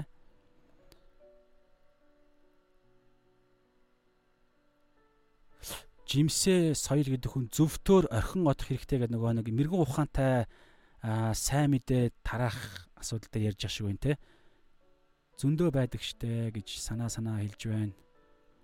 За санаа санаа чуулганд итгэгч дүртэй хоньны арьс нөмөрсөн чоннууд их байдаг дөө пастрын үйлчлэл хийгээд хүртэл явж байдаг. Тий. Тэгэхээр энэ зүйл их байдаг те бид энэ талаараас урд нь үтсэн те. Тэгэхээр бид ер нь ингээд а альва үннийг сонсоход нэг сорилт орж ирдэг шүү. Та мэдж байгаа бид нар угаасаа мэдж байгаа. Үнэн орж ирлээ. Тэр үнэн чинь сатаанд асар аюултай учраас сатан тэр багаж зевсхийг аль болох хэрэглэхээс нь өмнө зогсоох зорилготой. Үүний тулд яах вэ гэхээр буруугаар чиглүүлцдэг. Нэг үнэн бид сурлаа. Тэгэнгүүтлээ бид Бурхны үг бичээс чинь ерөөсөө яг толь шиг биднэрт өгөгдсөн гэж хэлсэн шүү дээ. Урд нь бид нар Яаков дээр үтсэн тийм үг судлаад номлол сонсчоод хэрэгжүүлдэггүй хүн болвол те төрлөх царайгаа толин тараад эргээд мартдаг хүнтэй адилхан гэж ярьсан шүү дээ. Тэгэхээр тухайн үг таныг ийм хүн гэж таныг л илчилж таныг л ийм байх дуудлагатай эсвэл иймээр таныг эзэн бүтээлээч гэдэг юм эсвэл та энэ тал дээр алдаатай байна буруу явж гин ингэж таныг л биднийг л ерөөсөө ихлэх зорилготой. Гэтэл бид энийгээ хэрэгжүүлэхгүй буюу энэ талаараа үргэлжлүүлэн бясалгаж энэ дээр өөр өөртөө ажиллаж явах зорилготой. Гэтэл ингэж хэрэгжүүлэхгүй бол эргэж хараал мартдаг. Бид толь шиг биш нүдний шил шиг бид бурхны үгийг үннийг бид хэрэглэж эхлэх юм бол сатан хожно. Тэр нь юу гэхээр өөрийгөө харах хэрэгтэй байтал хин нэгнийг хараад ирэхээр л тухайн үнний надад хэлэгдсэн зориг гажаад хазаагаа авчиж байгаа байхгүй. Тэгээ эргээд Христийн биет асуудалтай. Яагаад вэ гэхээр тухайн ганцхан үннээр би хин нэг шүүж штэ. Мэдээж одоо би ч гэсэн хэлжсэн те. Энэ бичээс дээр байгаа зү чуулганд хоньны арьс нөмөрсөн иш үзүүлэгч нар буюу хончингууд байгаа гэж хэлж штэ. Зөвхөн Монгол чуулган ч яриаггүй бүр дэлхийд дахны хаанчлалын чуулганд ярьж штэ. Монгол байхгүй ч болно гоё л энэ тэгвэл. Байж ч магадгүй мэдэхгүй. Гэхдээ энэ дэлхийд дахны энэ Библи чинь бүх дэлхийд 2000 жилийн өмнө өгдсөн учраас бичигдсэн хамгийн сүүлийн ном 90 он ч юм уу юу гэдэг тэр 1-р зуунд бичигдсэнээс 2020 он хүртэлх энэ 2000 жилийн турш чуулганд асар олон гаж буруу энэ хоны арьс нөмөрсөн чоннууд байсан шүү дээ. Тэднэрт чаанд шилэгдсэн. Өнөө үед байгаа юугүй мэдэхгүй байгаа байхгүй мэдэхгүй. Гэхдээ хамгийн гол нь юу гэхээр энэ үгний чинь цаана байгаа зарчим. Энэ үгний чинь цаана байгаа зарчим нагад зориулж шилэгдэж байгаа байхгүй. Бид нарт танд бид бүгдэд. Тэгэхээр трийг л бид нар аваад анхаарч явах хэрэгтэй. Тэгжиж л бид эргэтэн эргэтэн өөрөө өөрийнхөө хамгаалж явж байгаа цагт том бие маш сайн байх болно гэсэн. Тэгээд өөрийнхөө нүдэнд дүнзээ харж чадж байгаа юм бол яваандаа бид бусдын нүдэнд хүрсэн. Магадгүй манай чуулганд а нэг пастор би болох гэж байхад эсвэл болцсон ч юм уу ингээд яг иймэрхүү чон мон илэрх гээд байвал эсвэл чоныг бид пастраараа томилох гэж байгаа бол тэнд бид өөрийгөө би харж хянч чаддаг хүн чинь аль эзэн өөр дээрээ анхаарал бусдыг шүүх бол аюултай бурхан л шүүдэг гэж хэлсэн боддог бодоод явдаг хүн чинь өөрөө зөв суурьтай байгаа учраас аа яг одоо энэ тий оны арьс нөмөрсөн чон чуулганд байдгаа байдгаа гэсэн асуудал яригдах үед бид сохор байдлаар бид шүүх биш өөрийгөө давхар хянанга авах гэхийн ухаанаар бид альва зүйлд хандна гэсэн үг тий. За тэгээд амен амен гэж манайхан хэлж байна. За тэгээд өнөөдрийн цагийн талаар хамт байсанд баярлалаа. Тэгээд залбираад өндөрлөе. Юу гэж залбирх вэ гэхээр энэ өнөөдрийн хэсэг, өмнөх хэсэг, маргаашийн хэсэг бүгд хамт шүү. Юу ярьлаа? Эзэн дагалдагчдаа яг энэ бичээс дээр бол яг түүхэн давтагдчихгүй цор ганц онцгой 12 хүнийг сонгоод энэ онцгой энэ түүхэн тохиолдолд ямар ч энэ бүх зүйл бол шууд утгаараа хэрэгжиж байгаа. Харин өнөөдөр 2000 жилийн дараа өнөөдрийн бидэнд зарчмууд нь зарим нэг байдал зарчмууд нь хэлбэрээ өөрчлөгдөж гэдэг юм уу янз бүрийн байдлаар цаа зарчим нь хэрэгжиж байгаа шүү. Тийм учраас тэрийг бодоорой. Тийм учраас ер нь бид Матай номыг уншихдаа, ер нь Библийг уншихдаа шууд хэлэгдэж байгаа монгол хэлээр орчуулсан тэр хэлэгдэж байгаа үгийг шууд махчилж битгий авж байгаараа. Тийм учраас л Библийн сургууль сурсан олон мэдээлэл авсан пастор ахлагч нарынхаа гар доор бид нар зайлшгүй библи судлах хэрэгтэй. Хуваараа библи судлана. Гэхдээ тэрийг шалгах хэрэгтэй. Пастор ахлагч нараа. Тийм учраас чуулган төвтэй амьдрал бол Тэнгэрийн хаанчлалын хамгийн гол хэлбэр шүү. Заавал чуулган төвтэй байх хэрэгтэй гэдэг ярьдаг тэр. Учир нь бид нөгөө хонь бидний хонь чи өөрөө мунхаг өөрийгөө хамгаалах чадваргүй дорой учраас бид том толгой гараад том толгой гараад явах юм бол бид араат нийдэж болно. Тийм учраас хончинтойгоо хамт байх хэрэгтэй. Хончин бол үг, бичээс, ариун сүнс. Тэгэхээр ариун сүнс чи өөрөө ив нэгдэл дотор чуулган дотор л а ариун сүнс бүрэн яг төгс байдлаараа хэрэгжиж нэгдүгээр хоёрдугаарт зөвхөн үгээр л үг нь дотор л ариун сүнс ажиллаа гэдэг. Тэгэхээр үгийг бид нар мдээгүй бол яаж та ариун сүнсээр өдөрдүүлэгдэж байгаа гэдгийг мэдэх вэ? Сатан хүртэл Тэнгэр элчийн дүрээр ирдэг. Бид бид бодол дотор орж байгаа чөтгөрийн бодол, өөрийнхөө бодол, ариун сүнсний бодлыг ялгаж чадахгүй шүү дээ. Яаж чадах вэ? Хизэж чадах вэ? Үгийг мэдж байгаа нь үннүүдийг ойлгосон цагт л тэр үнэн чинь нэг дүр төрхийг бий болгоно. Нэг юм үнний тогтолцоог бий болгоно. Тэр тогтолцоон донд ариун сүнс ажиллаа хийдэг. Тийм учраас үг судлах гэдэг. За тэгээ залбирая. Эзэн бурхан минь энэ цагийн төлөө талархъя. Аа Тэнгэрийн хаанчлалын үннүүдээс суралцаж мэдэж байна эзэн минь. Гэхдээ эзэн бид энэ цагийг өндөрлөөд магадгүй унтаад маргааш өглөө босохдоо өнөөдрийн энэ яригдсан зүйлсийг мартах юм бол бид төрлөх царайгаа толинд хараад мартдаг. Хүн зурган дээрээс өөрийгөө хараа хараад өөрийгөө хараад таньдаг. Харин Бурхны үгийг үннийг сонсоод хэрэгжүүлдэггүй хүн бол толинд өөрийгөө эсвэл зурган дээрээс өөрийгөө зургатаар ч юм өөрийгөө хараад өөрийгөө олж чаддгүй хүнтэй ийм л дорой хүнтэй адилхан гэж хэлсэн Яков номон дээр. Тийм учраас эзэн минь бид таны үннийг сонсоод түүний төлөө түүнийхээ дагуу хэрэгжүүлж амьдрдаг амьдрал үгэн дотор амьдралдаг амьдрал гэрэл дотор алхдаг алхаа гэж хэлсэн. Энэ алхаа бол биднийг үргэлж гимшилт хөдөлдөг, үргэлж биднийг зөв амьдруулдаг, үргэлж авралаа алдахгүй аврал дотроо алхуулдаг. Тэгснээрээ үнэхээр бид давуу амьдралаар амьдрна. Тийм учраас эзэн энэ цагийн төлөө талархъя тэгээд энэ хэсгийг сонссон тэр хувь хүнийг эзэн та мэдж байгаа. Тэр хувь хүний бодлын тогтолцоог мэдж байгаа. Эзэн тиймээс намайг ч гэсэн та мэдж байгаа. Тийм учраас эзэн минь бидний дотор бидний бодлын тогтолцоонд асуудал байгаа бол ариун сүнс эзэн таны хэрхэн яаж боддог тэр л бодолтой бид өөрийнхөө бодлыг нэгтгэмээр байна. Есүсийн нэрээр аминь. За энэ цагийн төлөө талархъя. Дараагийн цаг хизээвэ гэхлээр өнөөдөр 3 дахь өдөр ихээр 5 дахь өдөр буюу 29-нд дараагийн цаг явнаа. Тэгэхээр дараагийн цаг бас яг адилхан шүү. Та уншицсан байвал илүү ойлгоход амар бах тий. Тий. За тэгээ дараагийн цагаар дахин уулзалтаа түр баяртай. За шалаа.